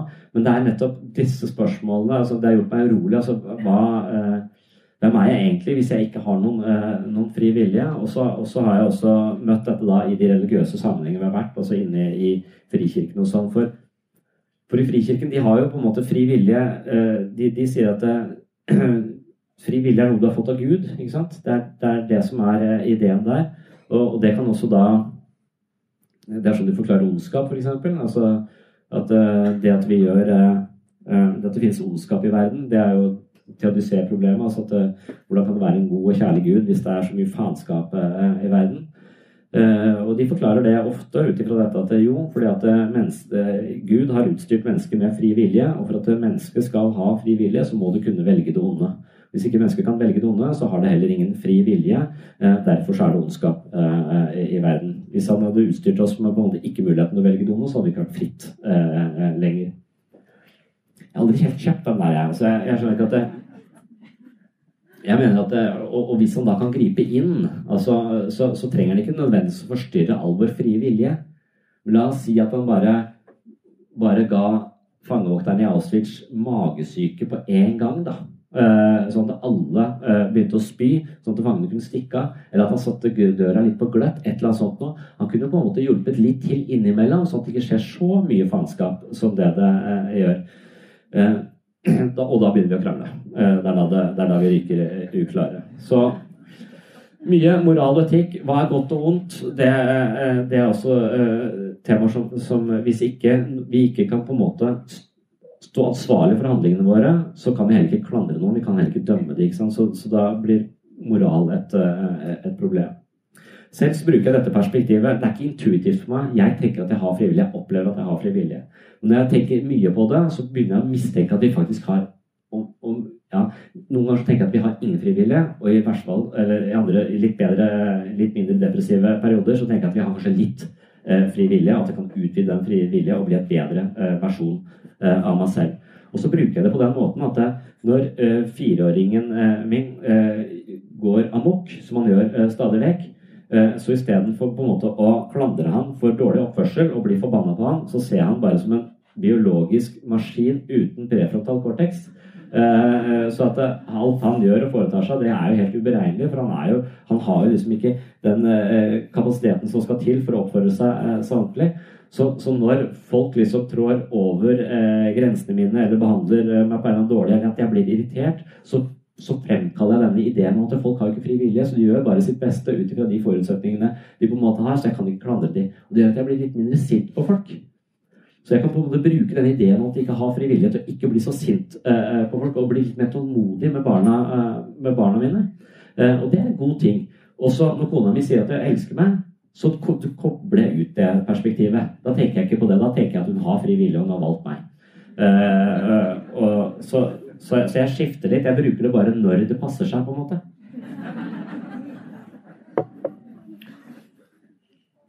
Ja.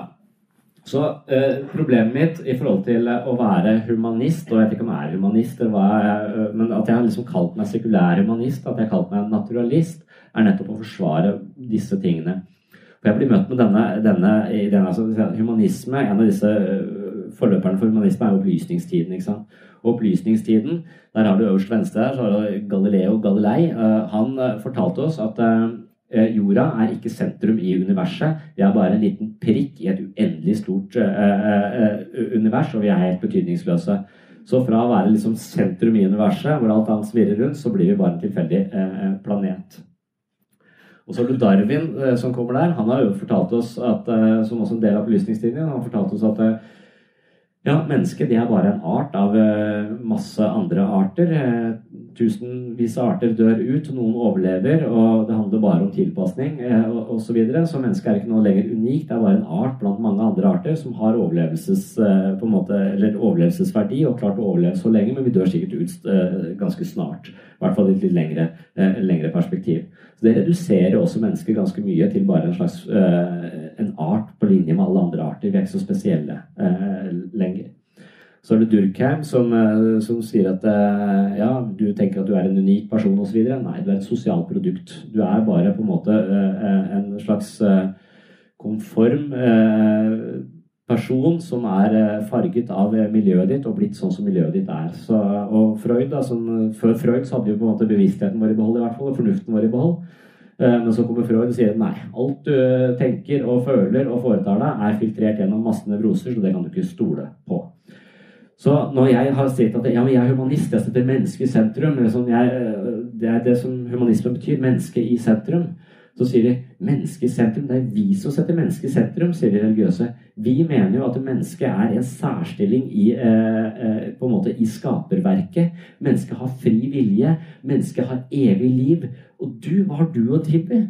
Du har bare, Vi er biologiske nikkedukker eh, styrt av gener og eh, sosialt press og alt mulig. Vi har ingenting i ditt perspektiv. Så på en måte humanismen degenerere mennesket til på en måte å være helt betydningsløst. da. Mens jeg alltid tenkt at humanisme setter mennesket i sentrum. Og Der får jeg litt trøbbel. Der trenger jeg kanskje hjelp av dere etter hvert. Eh, til, å, til, å, slå tilbake for dette. Fordi, for de, de, kristne sier at det er de som forsvarer på en måte det unike. Eh, det unike mennesket. Så hvis du spør en ateist, da, sånn som jeg var før, som jeg har i boka, hva er meningen med livet? Det er ingen mening. Vi kan late som om ting er meningsfulle for å leve litt bedre. Hva skjer når vi dør? Vi blir borte. Står mennesket fritt til å velge sine handlinger? Nei, men de lever i en villfarelse og tror at de har fri vilje. Hvorfor er vi her? Vet ikke. Hvordan utvikler vi oss? Evolusjon selekterer for det som er best tilpasset. Alt annet dør ut. Finnes Gud? Nei. Det er en barnslig forestilling som store deler av menneskeheten klamrer seg til. Har vi en sjel? Seriøst? Kan vi leve evig? Sannsynligvis ikke, men det er større sjanse for at ny teknologi kan forlenge livet vårt, enn at Gud gjør det. Det er på en måte eh, det, den beskjeden jeg hadde. Og jeg er usikker på om det er en god historie. Jeg tror ikke det er en god historie, for den historien blir jeg litt deppa av. Eh, eh, på, på, på mange måter. Eh, og, og, derfor så har jeg også kanskje gradvis begynt å endre eh, forholdet mitt til dette her litt. Grann. Altså, jeg, har ikke, jeg vet ikke om jeg tror på Gud lenger, men det å være sånn hardcore naturalistisk og se på mennesket som en eh, maskin, eh, det er i hvert fall noe jeg har eh, på en måte måttet jobbe ganske mye med. Og jeg var der i starten, men det har endra seg en, en, god del. Både i kraft av yrket mitt som psykolog, men også på en måte min følelse for disse historiene. For jeg tenker jo at vi mennesker vi trenger historier, og, og vi trenger fortellinger om livet vårt. Og disse fortellingene jeg fortalte i dag, ja, en tredjedel ble suicidale av det.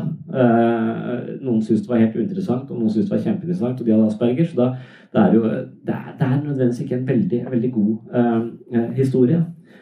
Så, så, jeg begynte å gå litt i den retningen at jeg, jeg tenker at det, disse religiøse fortellingene altså Jeg tenker litt sånn at vi har eh, vi, vi, vi, trenger historiene våre. Vi trenger de store fortellingene fordi de, ha, de, har en effekt på måten vi lever på, måten vi forstår oss selv på, måten vi bruker fornuften vår Eh, fornuften vår på.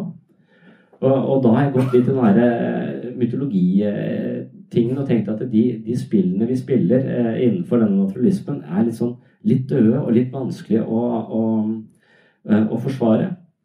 Og, og, derfor så har jeg også, også gått litt vekk fra det, så har jeg begynt å tenke om religion på en litt annen måte. Men nå ser jeg at vi har brukt over en, over en time.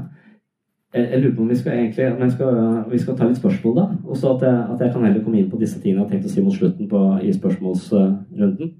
Ja, Nå har ikke vært noe sånn spesielt intelligensspørsmål, men eh, foredraget litt heter 'Indre uro'. blant annet. Så jeg bare stussa litt på Jeg kjenner litt at jeg fikk en indre uro etter at du snakket. Mm. Jeg bare lurte på om det var Ja, hva var poenget med den med den betegnelsen på foredraget. Hvorfor ikke fri vilje, ikke fri vilje? Altså... Ja, det var jo fordi at jeg surra fælt med dette her og ikke helt visste hvor jeg skulle. Så begynte jeg bare på starten av boka. Ja, eh, så, men dette spiller inn på hvordan jeg ser på mening. At det blir veldig meningsløst ting i dette her. Så alt dette her er ideer som har gitt meg veldig uro. Jeg kaller det store spørsmål, på en måte. Mm. Og svarene på de store spørsmålene, hvordan vi svarer på dem, bestemmer veldig mye om hvordan vi tenker om livet og hvordan vi lever eh, livet. Og en del av de svarene jeg hadde med meg inn i religiøse sammenhenger, var eh, Jeg var litt depressiv og ga meg ganske mye indre, eh, indre uro. Så, og, og, hvis vi ikke har eh, noe fri vilje, så føler jeg at ting blir ganske meningsløst også. Det, så det handler om mening, og det Ja. Du snakker om dette med å hente fram ting og reflektere og på en måte se seg sjøl i, i, et annet perspektiv. Og så tenker jeg hvordan trener en seg på sånne ting? Hvor, hvor, hvor lærer en disse tingene? Altså, hvor, ja. Hvordan kan du bli ja. bedre på det? Det var litt det jeg hadde lyst til å snakke om egentlig mot slutten. Også det, hvordan kan du bli bedre på det? For det Ja. Uh, og det, er da jeg blir uh, mye mer sånn psykologisk anlagt, mye mer sånn mystisk anlagt, uh, og ikke klarer å stå ved denne, dette mekaniske menneskesynet lenger. For da, da må jeg over i noe sånn Altså, drømmer, f.eks., har interessert meg eh, ganske mye. Og jeg tror at det, det å være så rasjonell og forklare mennesker på en måte bare ta det fra hverandre, det gir oss indre uro. Uh, mens, uh, mens, de store fortellingene har en annen funksjon. Også drømmer jeg, jeg tror kanskje at det, at ideologier eller måter å tenke på er sånn mer fenomenologisk i sin natur. At de er ikke sanne i den forstand. Det er mer sånn visdom. Så jeg tror det er helt andre elementer ved oss som, som, som, som spiller inn. Og nå er jeg i en fase hvor jeg har drømt veldig mye eh, i det siste. For jeg har jo små barn. Hun vekker meg eh, ja, eh, en gang i timen hele natta. Eh, og da våkner jeg ofte når jeg er i rem-søvn, og da husker jeg også drømmene, drømmene mine. Uh, og, og, det å være interessert i det, altså det å være interessert i sitt indre liv Og det var det jeg kanskje håpet at et sånt foredrag, selv om jeg visste at det frivillig ikke var helt uh, spot on, at det skal få oss til å på en måte tenke litt innover i oss selv. Tenke litt på årsaken til hvorfor vi gjør ting, hvorfor ting er sånn så, så, som det er. Og ifølge Freud så er kongeveien Eh, eller drømmen er jo kongeveien til, eh, til, det ubevisste. Og det er litt sånn jeg bruker, eh, bruker mine egne drømmer. altså til å på en måte, Jeg prøver å forstå det, jeg prøver å, å gi det en slags mening i livet mitt. Og så lurer jeg på om religion er det samme. På om religion er drømmer. På en måte At det er kollektive drømmer som folk har drømt i tusenvis av, av år, som forteller oss noe viktig om hvordan vi skal leve, og hvordan vi bør leve. Og at vi har disse store fortellingene som paralleller til livet vårt, er helt avgjørende. Så, så det jeg har lyst til å si på slutten, er at vi kanskje ikke er bare gener og, og, og så videre, men vi også at det, til forskjell fra andre dyr, så har ikke vi alt vi trenger for å overleve, koda inn i DNA-et vårt. Vi har også fortellinger som på en måte, om levd liv. Så, så vi har også ja, vet du, Joseph Campbell som kaller det universets sanger, på en måte. Uh, og han mener at det, Mens en fugl har alt det trenger for å overleve i DNA-et sitt, så har mennesker ikke det. Men vi har også fortellinger som vi bruker for å finne vei i livet. Og det er ikke nødvendigvis helt intuitivt for oss da, hvilken vei vi uh, skal gå. Derfor så må vi lytte til universets sanger. Og der finnes det kanskje en visdom. Og, og problemet mitt med humanisme og naturalisme videre er at de, det virker som om de har kastet alle de store fortellingene over bord. Og jeg lurer på om vi mangler noe, da. Uh, og eksempler på det er La oss si bare for eksempel skyld da, at vi har tid til det at jeg mm, altså sier litt om hvordan jeg tenker om f.eks. en drøm. Uh, og da vil noen Sam Harris vil si at ja, du kan tolke en hvilken som helst fortelling på en hvilken som helst måte helt random, og der, derfor så er det ingen validitet. da. Men, men en drøm jeg har hatt nå i det siste, er, er sånn at jeg, jeg drømmer at jeg er på reise hele tiden. Jeg er gjerne i Østen. Uh, og jeg har nok en idé om at det, mitt uh, privatliv er litt stritt med tre barn uh, osv. Så, videre. så det at jeg er på reise, tror jeg er litt vanlig for menn. De drømmer liksom, Når menn er sammen på hytta, så snakker de om ting som kan på en måte få de vekk fra familien. Men som kvinner er sammen, så snakker de ofte om familien. Det snakker ikke menn om. De snakker om alt annet som kan på en måte føle oss. Så, så, så, jeg tror nok det er noe i meg som på en måte søker litt liksom, Syns at ting er stritt da, og vil kanskje ut av det. Så jeg er helt tiden på reise. Men så har jeg med meg barna til, eh, på reise. Altså, på denne reisen har, jeg, altså, skal jeg inn på et hotell. Eh, men på det hotellet så, så har de ikke flere rom, så jeg må sove i resepsjonen. Der kommer folk og forstyrrer meg hele tiden. Og Det er ganske åpenbart hva de skal fortelle meg. Jeg, jeg, er på et hotell, og det kommer folk og snakker til meg og spør skal du bli med barn ta en øl. Så nei, nei, jeg må sove. Jeg må, så, så ligger jeg der med blir bli forstyrra hele tiden. Det er sånn livet mitt er. ikke sant? Jeg kunne like gjerne satt opp en bod ute i gangen. Jeg har bare tatt imot henvendelser som kommer i løpet av natta. Det er så mange av de, liksom. Så det er veldig åpenbart hva den drømmen, eh, hva den drømmen skal eh, fortelle meg der og da. Eh, men, men, det at jeg da også er i en sånn, sånn by i Østen, på en måte, eller et eller annet sånt sted, og at det, det kommer uh, Og at jeg har med meg dattera mi, og jeg har med meg sønnen min. Uh, jeg drømmer også om hun minste som er ett og et halvt år, og da har jeg drømt det samme hver gang jeg har fått et nytt barn. Så drømmer jeg at jeg ikke har muskler, eller jeg har ikke kraft i hendene til å holde denne babyen, så jeg mister den. Eller i hvert fall holder jeg på misten. Og da er det rent fysisk styrke i hendene mine. Det er den usikkerheten jeg har på at jeg på en måte ikke er kapabel til å ta meg av små barn da, som ikke klarer å holde hodet sitt uh, opp, opp en gang. Så den frykten der kommer også til syne på den måten i, uh, i, i drømmen. Uh, men, men, så mister jeg også sønnen min da i denne store byen. Og så leiter jeg febrilsk rundt. på en måte, Hvor, hvor er han? Hvor, hvor, er han? Så blir jeg ganske desperat. Men til slutt så gir jeg opp. Uh, og, og, det skremmer meg liksom, så jeg bare går tilbake på hotellet, legger meg i resepsjonen og tenker ja ja, nå vokser han sikkert opp i en annen familie. Uh, tenker jeg. Og så våkner jeg, ikke sant. Og så hva faen og så, Hva slags person er du egentlig? Og da har jeg Hvem er du? Da dukker dette spørsmålet opp, og da tenker jeg altså, og da tenker jeg at drømmen på en måte formidler noe til meg som treffer meg midt i hjertet. Og det er der jeg tror disse fortellingene våre også forteller oss noe på en annen måte. På en mer, på en mer sånn på en måte som fortreffer oss i hjertet, ikke i fornuften. Altså, du kan fortelle meg Jeg veit hvordan jeg skal behandle barn. Jeg har jo lest 100 bøker om det. Og jeg eh, underviser i utviklingspsykologi. Det betyr ikke at jeg gjør det. Jeg endrer kurs jeg, hvis jeg på en måte i denne drømmen får en sånn Jeg våkner sånn Er jeg en person som kan forlate barna mine? Er jeg en person som bare vil vekk? Og da begynner jeg å tenke på Hans og Grete som eventyr. For jeg tror også at eventyrene er disse parallellfortellingene til livet vårt som sier noe om det å være menneske som vi bør ta hensyn, eh, hensyn til. Og Hans og Grete fungerer på den måten at det, eh, der er det jo en stemor gjerne, og en, en, en far. Eh, og hun stemoren hun sier at for at vi skal overleve, så må vi sette de barna ut i skogen, for vi har ikke nok mat. Og så sier faren nei, det gidder vi ikke. og til slutt så går de med på det, og så setter de barna ut i skogen. ikke sant? De kjenner dette, dette eventyret. og så møter de en heks, og så dytter de heksa inn i ovnen, og så kommer de tilbake med masse gull osv.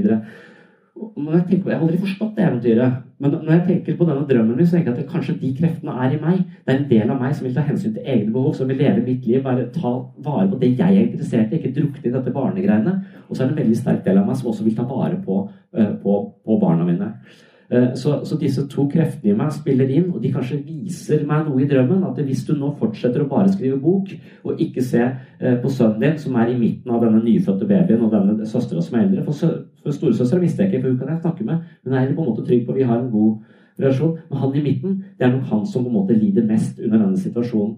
Og drømmen forteller meg at nå må du være litt oppmerksom på han, hvis ikke så mister, eh, mister du han.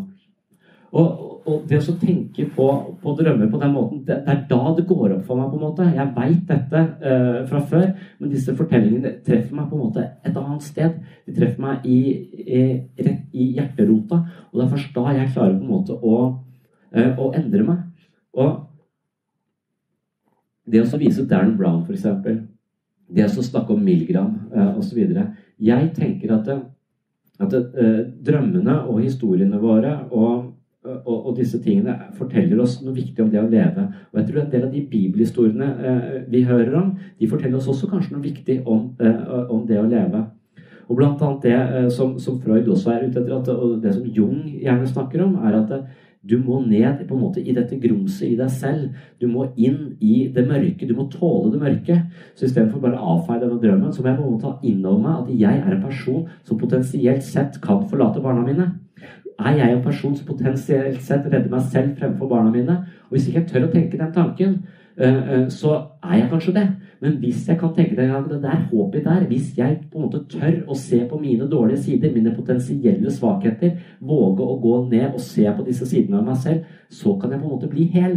Da er det større sjanse for at jeg ikke forlater barna mine i den, uh, i den situasjonen. Så hvis jeg tenker på de mørkeste sidene av meg selv, hvis jeg tør å ta ansvar for det, hvis jeg tør å se det, så kan jeg leve annerledes. Og Det er det der Jung sier at eh, et tre vokser ikke helt inn i himmelen med mindre det har røtter helt ned i helvete, sier han. Og jeg tror det er noe i dette. Og når du da ser på hvordan Jung leser, eh, leser Bibelen, og så tenker jeg at vi trenger disse store fortellingene fordi de, de viser oss vei, de viser oss retning, eh, på en eller annen måte, så vil Jung f.eks. lese eh, Han vil jo lese eh, på en måte historien om Jesus eksempel, som et bilde på selvet. Eh, så, så han vil tenke at, eh, at Jesus på en måte er en arketypisk tragedie. Eh, Jesus er en fantastisk mann som blir utsatt for forferdelige lidelser. Og så dør han, men så gjenoppstår han. Og, så, tror jeg kanskje Jung tenker på det som en sånn ting at vet du hva, livet ditt Du kan leve så godt du bare og på en måte være så from du bare vil, men så plutselig så kommer katastrofen og rammer deg helt vilkårlig. Bang! Og alt blir kaos. Alt er mørkt.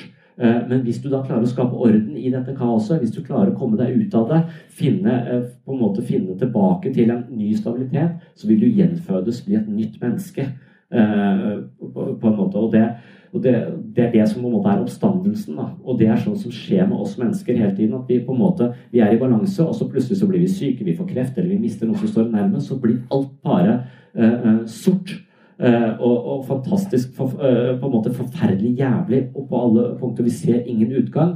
Men fortellingene våre de sier at vet du hva, dette er situasjoner som folk har vært i før. Dette er fellesmenneskelig. Det binder oss til fellesskapet på en måte. Det skaper en slags at du er ikke alene om dette. Dette mørket har vært før, og det er mulig å gjennomstå. på en måte. Uh, og en annen ting disse fortellingene kanskje viser oss, sånn som jeg tror jeg snakket om sist med Robert Bligh, som har dette bildet på at inni mennesket så sier han at alle mennesker har sånt kjern inni seg selv. Og I mytologien så er ofte dette med vann er ofte symbol på bevissthet. Uh, og, og, og, dette tjernet inni oss selv, altså bevisstheten vår, nedi dette tjernet så bor det skumle ting som vi helst ikke orker å se på. Så mange mennesker de prøver på en måte å leve på siden av dette tjernet, gå liksom litt på siden og på en måte unngå å falle uti. For nedi der så er det masse grums og faenskap. Og dette er historien om Jernhans, dette eventyret om Jernhans som mister gullballen sin nedi dette tjernet som er Eh, så, så, så, så, forferdelig. Mens alle mennesker, eller veldig mange mennesker har tendens til å prøve å unngå dette tjernet og gå på en måte i periferien. Men da, hvis du gjør det, så vil du på et eller annet tidspunkt når du kommer for nærme dette tjernet, så vil det komme en hand opp og trekke deg ned i dette tjernet. Og det er depresjonen. Eh, eh, så, så, som Jung blant annet vil jo da si at mennesket er ikke opplyst fordi de hele tiden unngår tjernet. For å bli et helt menneske så må vi på en måte gå med viten og vilje bort til kjernen, Vi må stupe ut, vi må møte disse uh, mørke kreftene i oss selv, for så på en måte akseptere de, leve de, leve forbi de, og så gå på, på andre siden, og så er vi på en måte uh, frie. Og jeg lurer på om fortellingene våre, om mytologien vår, gir oss disse beskjedene på et eller annet litt sånn underbevisst nivå. Og hvis vi kaster de ut med badevannet, så vil vi på en måte stå litt uten mentalt immunforsvar, eller uten å vite vei i livet i vanskelige situasjoner. Så vi er nødt til å lytte til de store fortellingene. Vi trenger ikke å lytte til det på en sånn primitiv måte. Vi tror ikke at eh, Pinocchio, eller vi tror ikke at vi får lang nese av å lyve, men Pinocchio har et annet budskap som ligger under der. Og det er der jeg er litt sånn usikker på om, om, vi kanskje da er tjent med religion, hvis vi klarer å lese det på den måten, at det er en del beskjeder der om hvordan vi på, på en måte vi lever best mulig. Uh, og, og, hvis vi kaster disse fortellingene ut med badevannet, så står vi da litt sånn uten fortellinger, og så står vi tilbake med bare Twitter og overfladisk informasjon som vi ikke kan bruke til, bruke til noe som helst. For når folk kommer til meg, så er det ikke åpenbart fordi at det, veldig mange tenker at å, nå kommer jeg til psykolog, nå skal det bli bedre. Herfra og videre skal det bli bedre. Men da sier jeg nei, herfra og videre skal det bli ganske mye jævligere.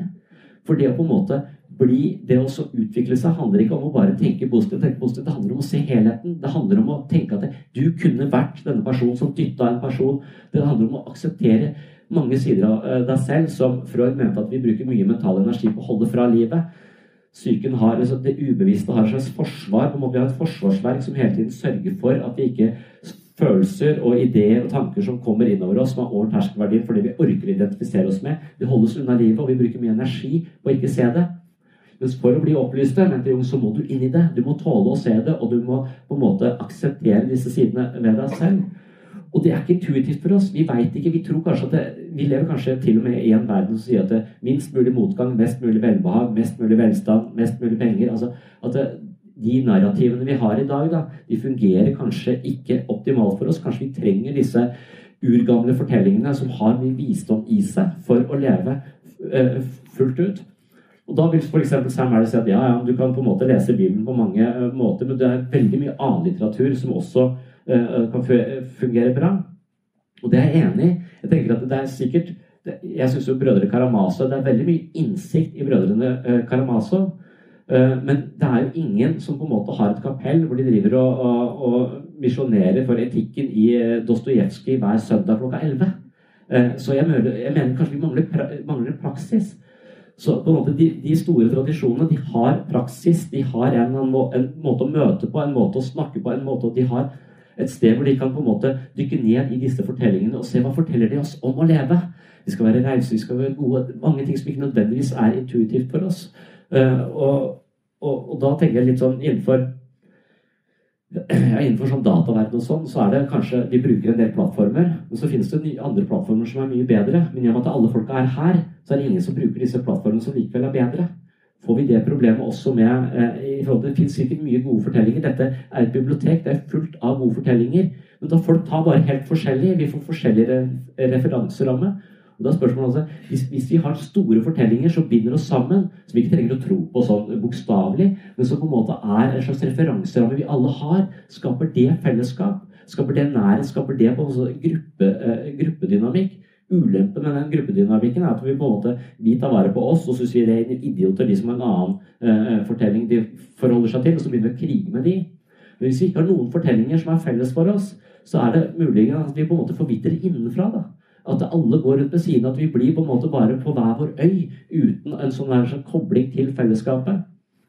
Så det er flere psykologer som som bare jobber ut ifra eventyr og forteller eventyr til pasienten og drøfter hva betyr dette egentlig? Hva kan dette fortelle om levd liv og å leve livet, eh, livet vårt? Så Det var på en måte det jeg vet ikke hvordan jeg skulle komme derfra til fri vilje, men det var planen min. Det var derfor jeg stoppa i stad. Jeg visste ikke at jeg skulle komme over dette her. Du hjalp meg litt. Men det er fortsatt ikke åpenbart for meg hvilken sammenheng dette er. Det er vel egentlig det at denne historien jeg har om fri vilje, føles så fattig og stusslig for meg. Og så, og så syns jeg på en måte det er så mye klokskap i eh, Når jeg har blitt tvunget til å lese Bibelen og gå inn i det, og spesielt i Gammeltestamentet Det er jo grotesk, på en måte, men det er også mye hvis, hvis, vi leser det på en litt annen måte, hvis vi leser det litt sånn som vi leser eh, Pinocchio, så kan det være at det er viktig ting der, da. Så det er på en måte Joseph Campbell sier at et liv uten mytologi blir som en tilfeldig ansamling av oppturer og nedturer. Mens et liv med mytologi, da har vi på en måte en referanse. Vi har noe å lene oss til. Vi har også noe som kan vise oss vei. Og, og jeg tenker med meg selv, Hvis jeg er nedstemt, så hører jeg ikke på uh, lystig musikk. Jeg hører på melankolsk musikk. Ikke for å bare trykke meg selv mer ned, men for å på en måte føle et slags fellesskap. Andre har hatt det på samme måten. Jeg er ikke alene. Vi er i fellesskap. Dette på en måte matcher min sinnsstemning nå. Og det å ikke være alene om det, gjør det litt lettere. Så, så når Human-Etisk Forbund sannsynligvis liksom har dette her, så trenger de kanskje noen store fortellinger for å, uh, å ikke glemme alt. Altså Hvis vi bare ikke har noen store fortellinger, så mistenker jeg at vi på en måte blir stående, og så dukker det opp en ny tyrann. Og vi kjenner ikke igjen denne tyrannen, for vi har ikke på en måte lest fortellingene våre godt nok. Så selv om denne tyrannen driver og avslører seg selv på Twitter hver eneste dag, så klarer vi ikke å gjenkjenne ham. Så bare dukker han opp likevel. Så det, det, var på en måte det jeg hadde tenkt å, eh, å avslutte med. Og hvordan det har med indre uro å gjøre, det, det, vet jeg heller ikke. Men, eh, men alt, alt denne, alle disse spørsmålene som jeg har på en måte gått inn i og prøvd å diskutere med troende, da, det handler om ondskap, det handler om, det handler om alle de vanlige eh, spørsmålene. Men på sett og vis har jeg følt at det er sånn nullsumspill. Vi bare driver og diskuterer ja, Du kan ikke bli født av en jomfru. Og så, og så vi bare diskuterer på overflaten, så jeg går glipp av på en måte visdommen i fortellingene. Eh, og, har, og, da tenker jeg, Men finnes det fellesskapet som bare som, ikke, som driter om du tror på Gud eller ikke tror på, tror på Gud, da, men, men, som er opptatt av dybde og på en måte fortellinger om levd liv. Og hva kan de fortelle oss? Altså, det å våge sammen og det å hoppe ned i dette tjernet inni deg selv er vanskelig. Hvordan gjør vi det? Kanskje vi gjør det vi av litteraturen. Kanskje vi gjør det vi av de store fortellingene eh, våre og eventyrene våre, mytologien vår kanskje også den kristne tradisjonen er noe vi kunne bygd videre på, i stedet for å bare eh, avvise det helt, da. Har jeg tenkt. ja. Er det noen andre som gjerne vil komme med noen kommentarer? Spørsmål? Når du, det du holder på med. Eh, er du alene, eller snakker du med noen andre? Og så du? Hva sa du nå? Er du alene, eller? Hvordan tenker du på alene? eh, har du noen andre å snakke om dette med? Altså at du går parallelt i lag med noen andre? Eller føler at du er helt alene? Ja, Det er en av de tingene altså Jeg føler at jeg har eh, jobben min eh, som, som, Jeg kaller dette metaspill jeg snakket om sist. Altså Jeg mener at det finnes eh, Eller jeg er fra eh, sånn, som en sats som mener at det, verden har metaspill og objektspill. Objektspill handler om å tjene mest mulig penger for å kjøpe seg flest mulig ting. Og det er et spill som på en måte er motiverende, og det kan på en måte gi oss litt spisse albuer og vinne noen kamper, men dypest sett så gir ikke livet noe sånn ordentlig mening. Du kan våkne opp dagen etter og ha dobbelt så mye penger, men fortsatt føle at livet er eh, meningsløst. Så finnes det da metaspill som handler mer om å lodde dybden i seg selv og sin egen sjel, kan man si. da. Uh, og, det tror jeg handler om å se litt innover, være litt interessert i dette dypet, våge å gå litt, uh, gå litt inn i det. Og, og, snakke om de dypere spørsmålene, ha noen narrativer vi kan jobbe med. Og, og Personlig så har jeg f.eks. da Robert Bligh var en bok, den der Iron John jeg vet ikke, men det, er en sånn myte, Han snakker veldig sånn jungiansk, og selv om jeg har vært opptatt av Jung, og sånn, så er den boka så vanskelig for meg at jeg forstår ikke alt. Og Derfor så samla jeg en gjeng med, med folk som jeg tenker var klokere enn meg selv, for å se hva betyr dette og det ga meg veldig mange ideer om det å være mann i en moderne verden. Det satte ting på plass for meg. Det, det, det, det lodda litt dybden i meg selv på en måte som jeg ikke hadde gjort tidligere. Det kaller jeg et metaspill. Og det tenker jeg det er et veldig, et, et veldig viktig for mennesker å ha de metaspillene. Og, og Kirken har det. Kanskje ikke statskirken, men de, de, de, frikirkelige menighetene har sånne foraer. Selv om de er veldig på en måte lada i noen sammenhenger, så har de også eh, bibelgrupper og alfakurs, altså som handler om de store spørsmålene, og lodde dybden i dette. Og, og, jeg kunne være der og være så ateistisk jeg bare ville. De kasta meg ikke ut av den, eh, den, grunn. Men når vi da begynner å snakke om homofili og sånne mer sånne konkrete ting, så ryker vi uklare. Men utover det, hvis jeg kan overse det litt, det kan på en måte det er dypt og inderlig uenig Veldig mye ved religion som jeg er dypt og inderlig uenig i. Men vi kan også møtes om de store spørsmålene om døden og meningen med livet osv. fra hvert vårt ståsted. Og det gjør meg litt rikere. Så, så, jeg har følt at det å gå i bibelgrupper har vært en fantastisk ting. da.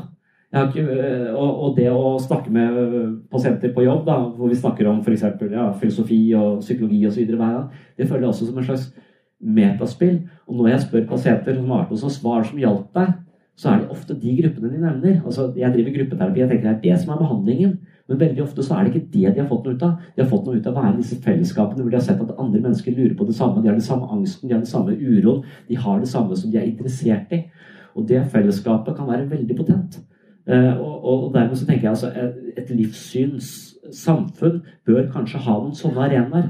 Eh, for det er Jeg tror Thomas Satz mener at samfunnet vårt har for mange objektspill og for få arenaer for metaspill. Og hvis vi i tillegg da ikke lenger er religiøse, så har vi For det var jo på en måte religion, kunst og, og, og forskning eller vitenskap var både tradisjonelt som metaspill. Søke ny kunnskap, være nysgjerrig osv.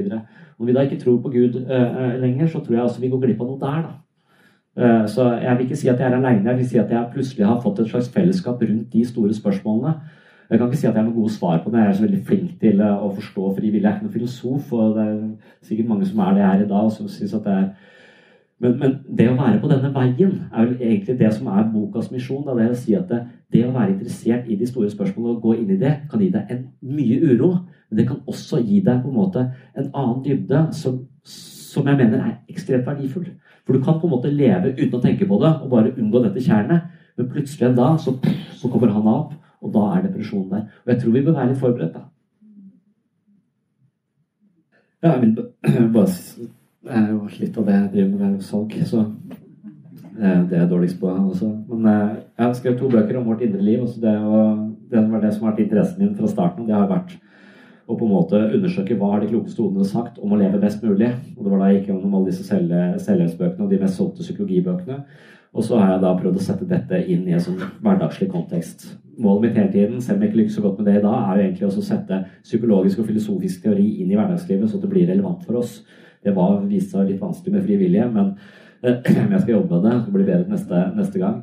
Så jeg har to bøker. De to til venstre der de selger jeg her i dag, og eventuelt signerer de hvis det er interessant. Og denne Psykologens journal, som, som handler om mitt møte med, med religion. da, eh, som har da, Jeg tok ett kapittel i dag, den har jo da jeg tror den har 15-16 eh, kapitler. Eh, så, som handler om egentlig et psykologisk blikk på, på, de store spørsmålene. Det handler om, også om at jeg hadde dette selvutviklingsprosjektet hvor jeg tenkte at du er en idiot når du snakker om religion. Prøv å være litt mer ydmyk. Så det er, veldig sånn, det er et personlig prosjekt, men det er også en sånn personlig sakprosa. vil jeg si. Interessert i hva sier de store tradisjonene om de største spørsmålene.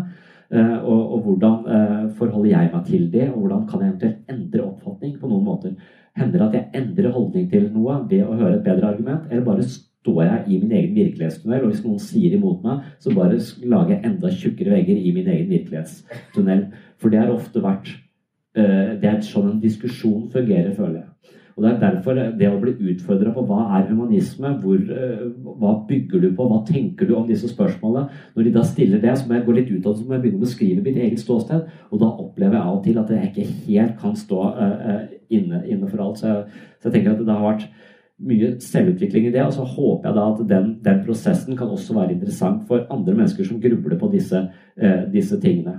Jeg vil ikke si at jeg på en måte har noe svar på store spørsmål, men jeg tror kanskje jeg har en slags entusiasme rundt det, som er sånn skrekkblandet fryd. Jeg er livredd for det, samtidig som jeg klarer ikke å la være eh, å, å, å, å, tenke eh, på det. Eh, så, så, det er da psykologens journal. er mitt, Dramaturgien i det er mitt møte med religion. Men hensikten med å skrive boka er å få lov til å tenke på de store uh, spørsmålene en gang til fra litt andre synsvinkler. Så den kan man sette seg på en liste, ifølge uh, kanskje vi, vi, kan ha, Hvis du er interessert i å kjøpe den, så kan du skrive navnet ditt på en liste, så får du den tilsendt i posten så snart den uh, kommer ut. de to andre de kan du eventuelt få kjøpt her i dag, hvis du er interessert i det. ja. Vi har brukt mye tid på å snakke om frivillige, men vi sa aldri noe om hva det var for noe. Hva er det vi ikke har for noe? Uh, det finnes jo veldig mange syn på hva det måtte være. Ja. Uh, og den kristne kulturarven, arven vår, den gir oss jo et syn på frivillige som vi sikkert er enige om at ikke vi har. Ja. Uh, den tenker jeg i hvert fall jeg personlig ikke har. Det, vi, det er jo et eller annet fenomen det eksisterer et fenomen av en følelse å velge fritt. Den eksisterer uansett. Ja. Og i Så kommer det an på hvor det du starter med, og identiteten. Hvem er jeg? Mm. så er jo det spørsmålet Fra kristen kulturarv så er det jo jeg som har evnen til å være fri. Mm. Mens kanskje det er bedre å tenke at du er den friheten. Det er værhanen eller en værhane, f.eks. Det er tror jeg samme analogi som Skyter brukte. Mm. Om at eh, du er låst et sted. Og vi er låst i tid.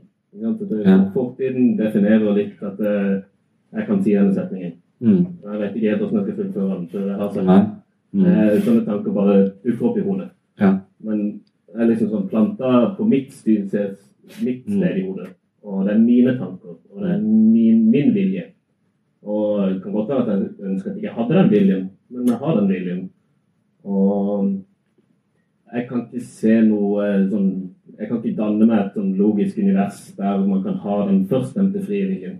Nei. Eh, Det klarer ikke jeg helt se at det går an å tenke seg. Men jeg tenker veldig greit at hvorfor kan man ikke Denne følelsen vi alle har om en fri vilje Mm. Har jeg lyst til å Har du lyst til å ta opp hånda di nå, så kan du gjøre det.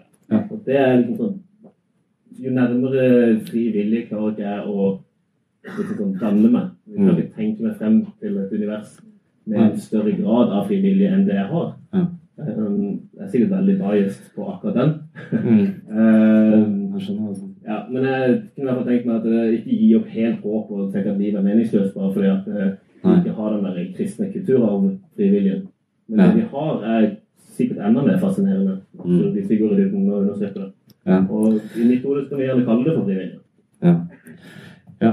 Nei eh, Ja, og bevissthet, kanskje. Så når jeg Du, du studerer filosofi, gjør du ikke det? Ja, så jeg tror kanskje du vet mer om det enn en, en enn meg. Men når jeg snakket om disse, disse tingene, så, eller så, så har det dukket opp der med at eh, jeg, evolusjon også, kanskje. At det, de sier at det, eh, evolusjon er en slags selektering for det som er best tilpassa. Og det kan kanskje det gjelder ideer også. Så, som Sam Harris vil si at frivillig er en illusjon. Eh, og så I et evolusjonsperspektiv så kan man tenke seg at det, det å tro at vi har fri vilje, er, eh, har overlevelsesverdi. Så det vil overleve. Fordi at Hvis du ikke tror at du har eh, frivillige, så viser det noen forskning de som ikke tror de har frivillige, tenker på det, de er litt mer eh, tilbøyelige til å være kriminelle og litt mer kyniske osv. Så, videre. så det å ha en idé om frivillige gjør at vi kan på en måte stå ansvarlig for oss selv og ansvarliggjøre andre. Så det er en overlevelsesverdi. Hvis alle går ut her og tenker vi har ikke noe frivillige, så, eh, så, så, så på en måte vi kan ikke klandre noe for noe, så, så på en måte forvitrer hele strukturen vår i samfunnet. Så det er, eh, det er viktig å ha den ideen om, eh, om, om fri vilje. Og, så jeg vet ikke hvordan jeg skal Jeg tenker at det er et, eh, er et håp for det. Men jeg, men jeg liker å tenke den på den Jeg liker kanskje ikke nødvendigvis bare å tenke på fri vilje, men jeg liker å tenke liksom som Descartes var den på en måte mest radikale tvileren. Og Descartes demon på en måte at det, ingenting av det du opplever, kan du vite at det er sånn som det er. For du kan ha en demon som sitter inni hodet ditt og forvrenger alt du opplever. Eh, og- den tanken er på en måte litt være litt skeptisk til alle konklusjonene dine. Jeg føler at det kanskje gjør deg litt mer ydmyk. Det gjør deg kanskje litt mer, eh, litt mer ikke så bombastisk nødvendigvis. Jeg tror kanskje det er noe godt med å være litt interessert i bakgrunnen for hvorfor tenker du det, hvorfor gjør du det, hvorfor eh, eh, opererer du på den og den måten. Det er det jeg kanskje kaller et metaspill. Så uansett hvordan du ser på det, så er det kanskje misjonen din å si at det er interessant å tenke på det som foregår, eh, eh, foregår der inne. For Descartes konkluderer jo liksom med at eh, jeg kan kanskje bli lurt på alt mulig, men jeg må være på en måte, jeg må ha en bevissthet, for det må være noe i meg som kan bli lurt. Jeg kan ikke bli lurt til at jeg i det hele tatt eksisterer. en måte. Jeg må eksistere. Det må være noen å lure. Så, at, eh, så, så det er det utgangspunktet. Altså jeg, jeg tviler, derfor er jeg på en måte, eller jeg er en bevissthet som det er mulig å manipulere. Uh, og, og så tenker jeg da ut ja, det er jeg. Jeg er en bevissthet som det er mulig å manipulere. Og det finnes hundrevis av bøker og hundrevis av ideer om hvordan vi blir manipulert. Jo flere av de jeg vet om, jo flere, jo flere måter jeg vet at det er mulig å bli manipulert på, jo, jo, jo færre feller kanskje jeg går i, og jo mer fri vilje har jeg. Så jeg ser kanskje på fri vilje som et kontinuum, sånn, hvis jeg ikke skal gå som filosofisk til det. altså jeg tenker at det, Ja, det opparbeider seg mer fri vilje, og ikke bli den personen som adlyder autoriteter og dreper noen eh, i neste sving, det er en mulighet hvis jeg er interessert og våger å gå inn i meg selv og se litt på de, eh, og ta ansvar for alle sidene da, ved, ved, ved meg selv. Eh, Dette kommer litt tilbake til når jeg var ung, nå i 62 faktisk. Men jeg studerte religion for mange år siden. Og jeg har gått en litt mer motsatt vei enn det. Jeg var, jeg var forkynner, men, men har mista troa. Eh, Men utrolig interessant å, å høre på hva du sier. Men det som jeg vil si, er at det virker som det er en misforståelse her. Og det er at teologer mener vi har fri vilje. Det er en stor misforståelse. Altså, hvis du går på Philadelphia eller Betania eller i Frikirka, så vil alle prester og forkynnere appellere til den frie vilje. Men hvis du leser Calvin og Luther Luther skriver om den trellbundne vilje. Og, og, og Calvin mente jo at alt var forutbestemt. Så den tanken om, om eh, en fri vilje i, i frelsestilegnelsen som mange virker som de tar for gitt Hvis du begynner å studere, eh, begynner å studere teologi, så, så, så, så, så, så lærer du noe helt annet. Jeg vil bare si det. Sånn, Ja, som predestinasjon. ja, altså, du, har, du, du, du kan skille mellom dobbel predestinasjon, sånn som, mm. sånn som Karlin, men du kan også snakke om en enkel predestinasjon, sånn som Luther. Mm. Uh, hvor, hvor, uh, hvor budskapet var at vi kan ikke velge vi kan ikke velge Jesus. Altså, jeg har sittet i Ordene kirke og blitt innbudt Mm. til å velge Jesus, men, men, men det, det Når jeg begynte å studere teologi, så skjønte jeg jo at det var ingen teologer som mente det. Men de, de, de oppfører seg som de, som de Det var noen som snakka om at det var et pelagiansk menneskesyn. Det, det var en som heter Pelagius, som, som, eh, som skrev om dette. Så det kan du gå og lese, lese mer om. Mm. Jeg har et bok til deg som du skal få, som heter 'Drømmen om den frie vilje', som, som handler om det. Ja.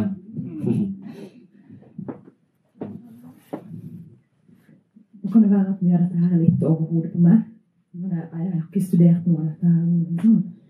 Men jeg bare lurer på i forhold til den frivillige, når han sier han er ikke noe frivillig. Men hvis du har opplevd mange ting i barndommen, da, og du har kommet til et punkt hvor ok, nå må jeg faktisk snu tankene mine og snu eh, handlingene mine for å få et nytt liv, da, hva skal jeg si. Mm. Eh, det må man jo kunne si frivillig til å gjøre. tenker jeg. Hva tenker Ja, ja, det er litt det som er litt den intuisjonen selv. ellers er det håpløst. Ja, ellers er det håpløst. Ellers kan jeg bare gi opp som psykolog i hvert fall. Og så kan jeg bare vente på at den hjelmen kommer for salg. Eh, eh, for da kan vi bare ta på oss den, så er alt greit.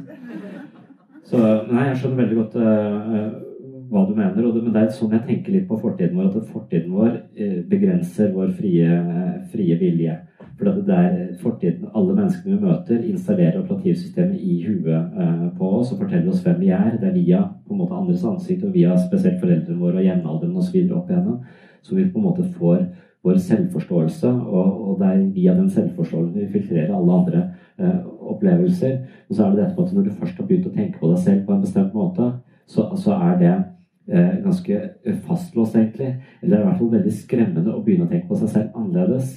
Så en person som tenker at jeg, jeg ikke er god nok, hvis jeg sier ja, men det er en eh, feiltagelse, det er noe du ble lurt til å tro uh, fordi at du ble dårlig behandla som liten, så er ikke det good news egentlig. På en måte så vil de si at det er good news, men plutselig hvis de skal begynne, skal begynne å tenke på seg selv som på en måte ikke mindreverdig eller uh, dårligere enn andre, så, så vet de ikke det, det er kjempeskremmende å endre operativsystem. Så det det som Kirkegård sier, at du må våge å miste fotfestet for ikke miste deg selv. på en måte. Det, det er liksom, og det er der denne, disse ideene jeg tror vi har fra mytologien også forteller oss at det, ja, det er mulig, men det er jæklig vanskelig og det er jæklig tungt. Det er det som er å på en måte gå inn og møte disse monstrene eller dykke ned i dette, dette havet. For det er sånn at det, utseendet mitt, det, speilet viser meg hvordan jeg ser på utsiden, mens andre mennesker viser meg hvem jeg er på innsiden. Og hvis jeg eh, kommer hjem nå etterpå og har helskjegg, så vil jeg bli ganske forvirra. Eh, Jeg vil tenke at det er en eller annen atomreaktor i Kristiansand som har på en måte gått av, og jeg har fått helskjegg, og det skremmer meg dypt og endelig hvis speilbildet mitt plutselig forandrer seg veldig masse. Men det samme tror jeg det er med vårt eget indre operativsystem. Det søker hele tiden å speile seg i andre, og så søker det å søker mot de menneskene som speiler seg på den måten jeg tenker om meg selv, og som opprettholder på en måte eh, Da kan jeg planlegge fremtiden, da veit jeg hvem jeg er. Eh, og, og dermed så, så er det trygt. Selv om det da er dårlig, så er det trygt. Og det å begynne å endre på seg selv, det er sånn, det vil være For det første må du møte andre mennesker, så ubevisst tiltrekkes du dette for å få bekreftelse på at du er den du på en måte tenker at du er. Og det å begynne å handle annerledes, det er kjempeskremmende. Eh, Så når folk begynner å gå i nye veier og på en måte være bevisst at hver gang jeg møter eh, folk, så klamrer jeg meg til dem, for jeg er så redd for å miste dem, og så blir de lei av meg. Og hver gang de da møter eh, De har forstått det, de har forstått at jeg er blitt forlatt hele livet. Derfor så klamrer jeg meg til folk. Når jeg klamrer meg til folk, så begynner de å forlate meg fordi de føler seg kvelt. Når, de, når, de når de plutselig skjønner at dette er en del av mitt mønster, så skal de endre, eh, endre det. Og da blir det eh, kjempeskremmende. De får på en måte skje om å legge på telefonen så de ikke på en måte opp hverandres tid for, lenge osv. Og, og det å endre det å bare ha det som var Freuds feil han, Med en gang du har innsikten, så endrer det seg. Sånn er det ikke. men når du har innsikten, så må du skape endringer hver eneste dag. Du må skape i kanskje 20-30 Noen sier det, jeg vet ikke, det er litt så forskjellig, men du må hele tiden være bevisst hvordan du handler, og hvordan dette operasjonssystemet lurer deg. Og det er kjempeslitsomt, men det er altså den veien vi må gå. Da. Det, er altså det, det er derfor selvutvikling er vanskelig. Så om du selv begynner å tenke litt annerledes om deg selv, så vil du også kanskje ha et miljø rundt deg da, som, å, som, som, ikke har bedt om at du skal forandre deg så mye. Og som, når du ser at du har blitt forandra Det er veldig mange som kommer til meg og så, og så sier at det, eh, begynner vi å endre operativsystemet, kan man si. Da, og så begynner du å uttrykke seg mer og på en måte være litt friere, eller kanskje uttrykke følelser istedenfor bare undertrykke det osv. Og så kommer de hjem til en familie som ikke har bedt om at folk skal uttrykke følelsene sine så veldig. Vi har blitt enige om at vi ikke skal si noe om disse følelsene. Og så begynner du, og så sier de du må være klin gæren. Det er ikke rart at du går til psykolog. Du blir bare dårligere av å gå der også. ikke? Så, så det å endre mønster, det vil alltid møte masse, masse motstand. Og da er det så lett å gå tilbake til de gamle eh, mønstrene. Så det er ikke håpløst, tror jeg, men jeg tror det krever bevissthet. Og det er der altså, hva er bevisstheten, hva er fri vilje? Det ligger litt i samme. Hvis vi kan være bevisst i nye situasjoner som må være gang på gang på gang Den pustinga du gjorde i går, den holder deg ikke i live i dag. Du må puste hver dag, på en måte. Og jeg tror ikke at det nødvendigvis er sånn at du skal gjøre det resten av livet. Eller jeg tror det er interessant å gjøre det resten av livet. Jeg har innforstått med at det, er en evig prosess til jeg på en måte dør. Men for de som har vanskelige fortid og et vanskelig operativsystem, så må de ta den jobben og være bevisst, bevisst, bevisst, bevisst, og så kan de kanskje endre eh, noen algoritmer som gjør at de forholder seg litt annerledes, tenker litt annerledes om seg selv, innser at eh, alt det har blitt fortalt meg selv, ikke nødvendigvis er sant, og begynner langsomt å få en ny plattform så de kan leve bedre ut ifra det. Og Det er en mulighet, men det er ganske hardt arbeid. Og det er det folk ikke nødvendigvis er eh, oppmerksom på, og som jeg tenker at fortellingene våre sier noe om. Eh, ikke gå den letteste veien, for det er det som er Når du da skal endre operativsystemer, så vil du veldig lett falle tilbake i de gamle mønstrene. For det er det som er behagelig, det er det som er lett. Vi har autopilot for å slippe å være bevisst hele tiden. Eh, men, men, når vi da skal endre oss, så må vi være bevisst, bevisst, bevisst. Og, og det er ikke folk nødvendigvis oppmerksom på.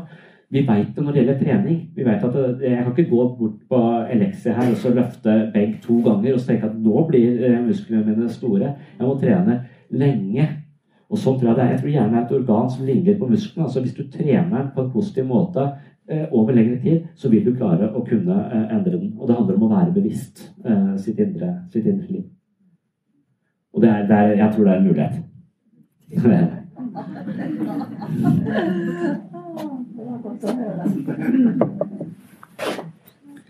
Da lurer jeg på om vi skal runde av. Ja. Da lager vi en liste for de som er interessert i Psykologens journal. Eller så kan man få kjøpt bøkene der borte. Ellers er det en god kveld, og takk for at dere kom.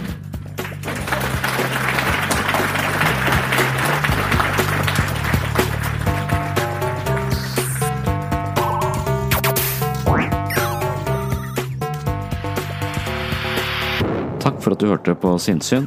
Snart 200 personer har vært så sjenerøse at de har gitt Sinnsyn fem stjerner i iTunes. Noen skriver også en kommentar om det de liker, og det leser jeg med påfølgende gode følelser. Det motiverer til å fortsette dette prosjektet. Takk for rause tilbakemeldinger, og på gjenhør i neste episode.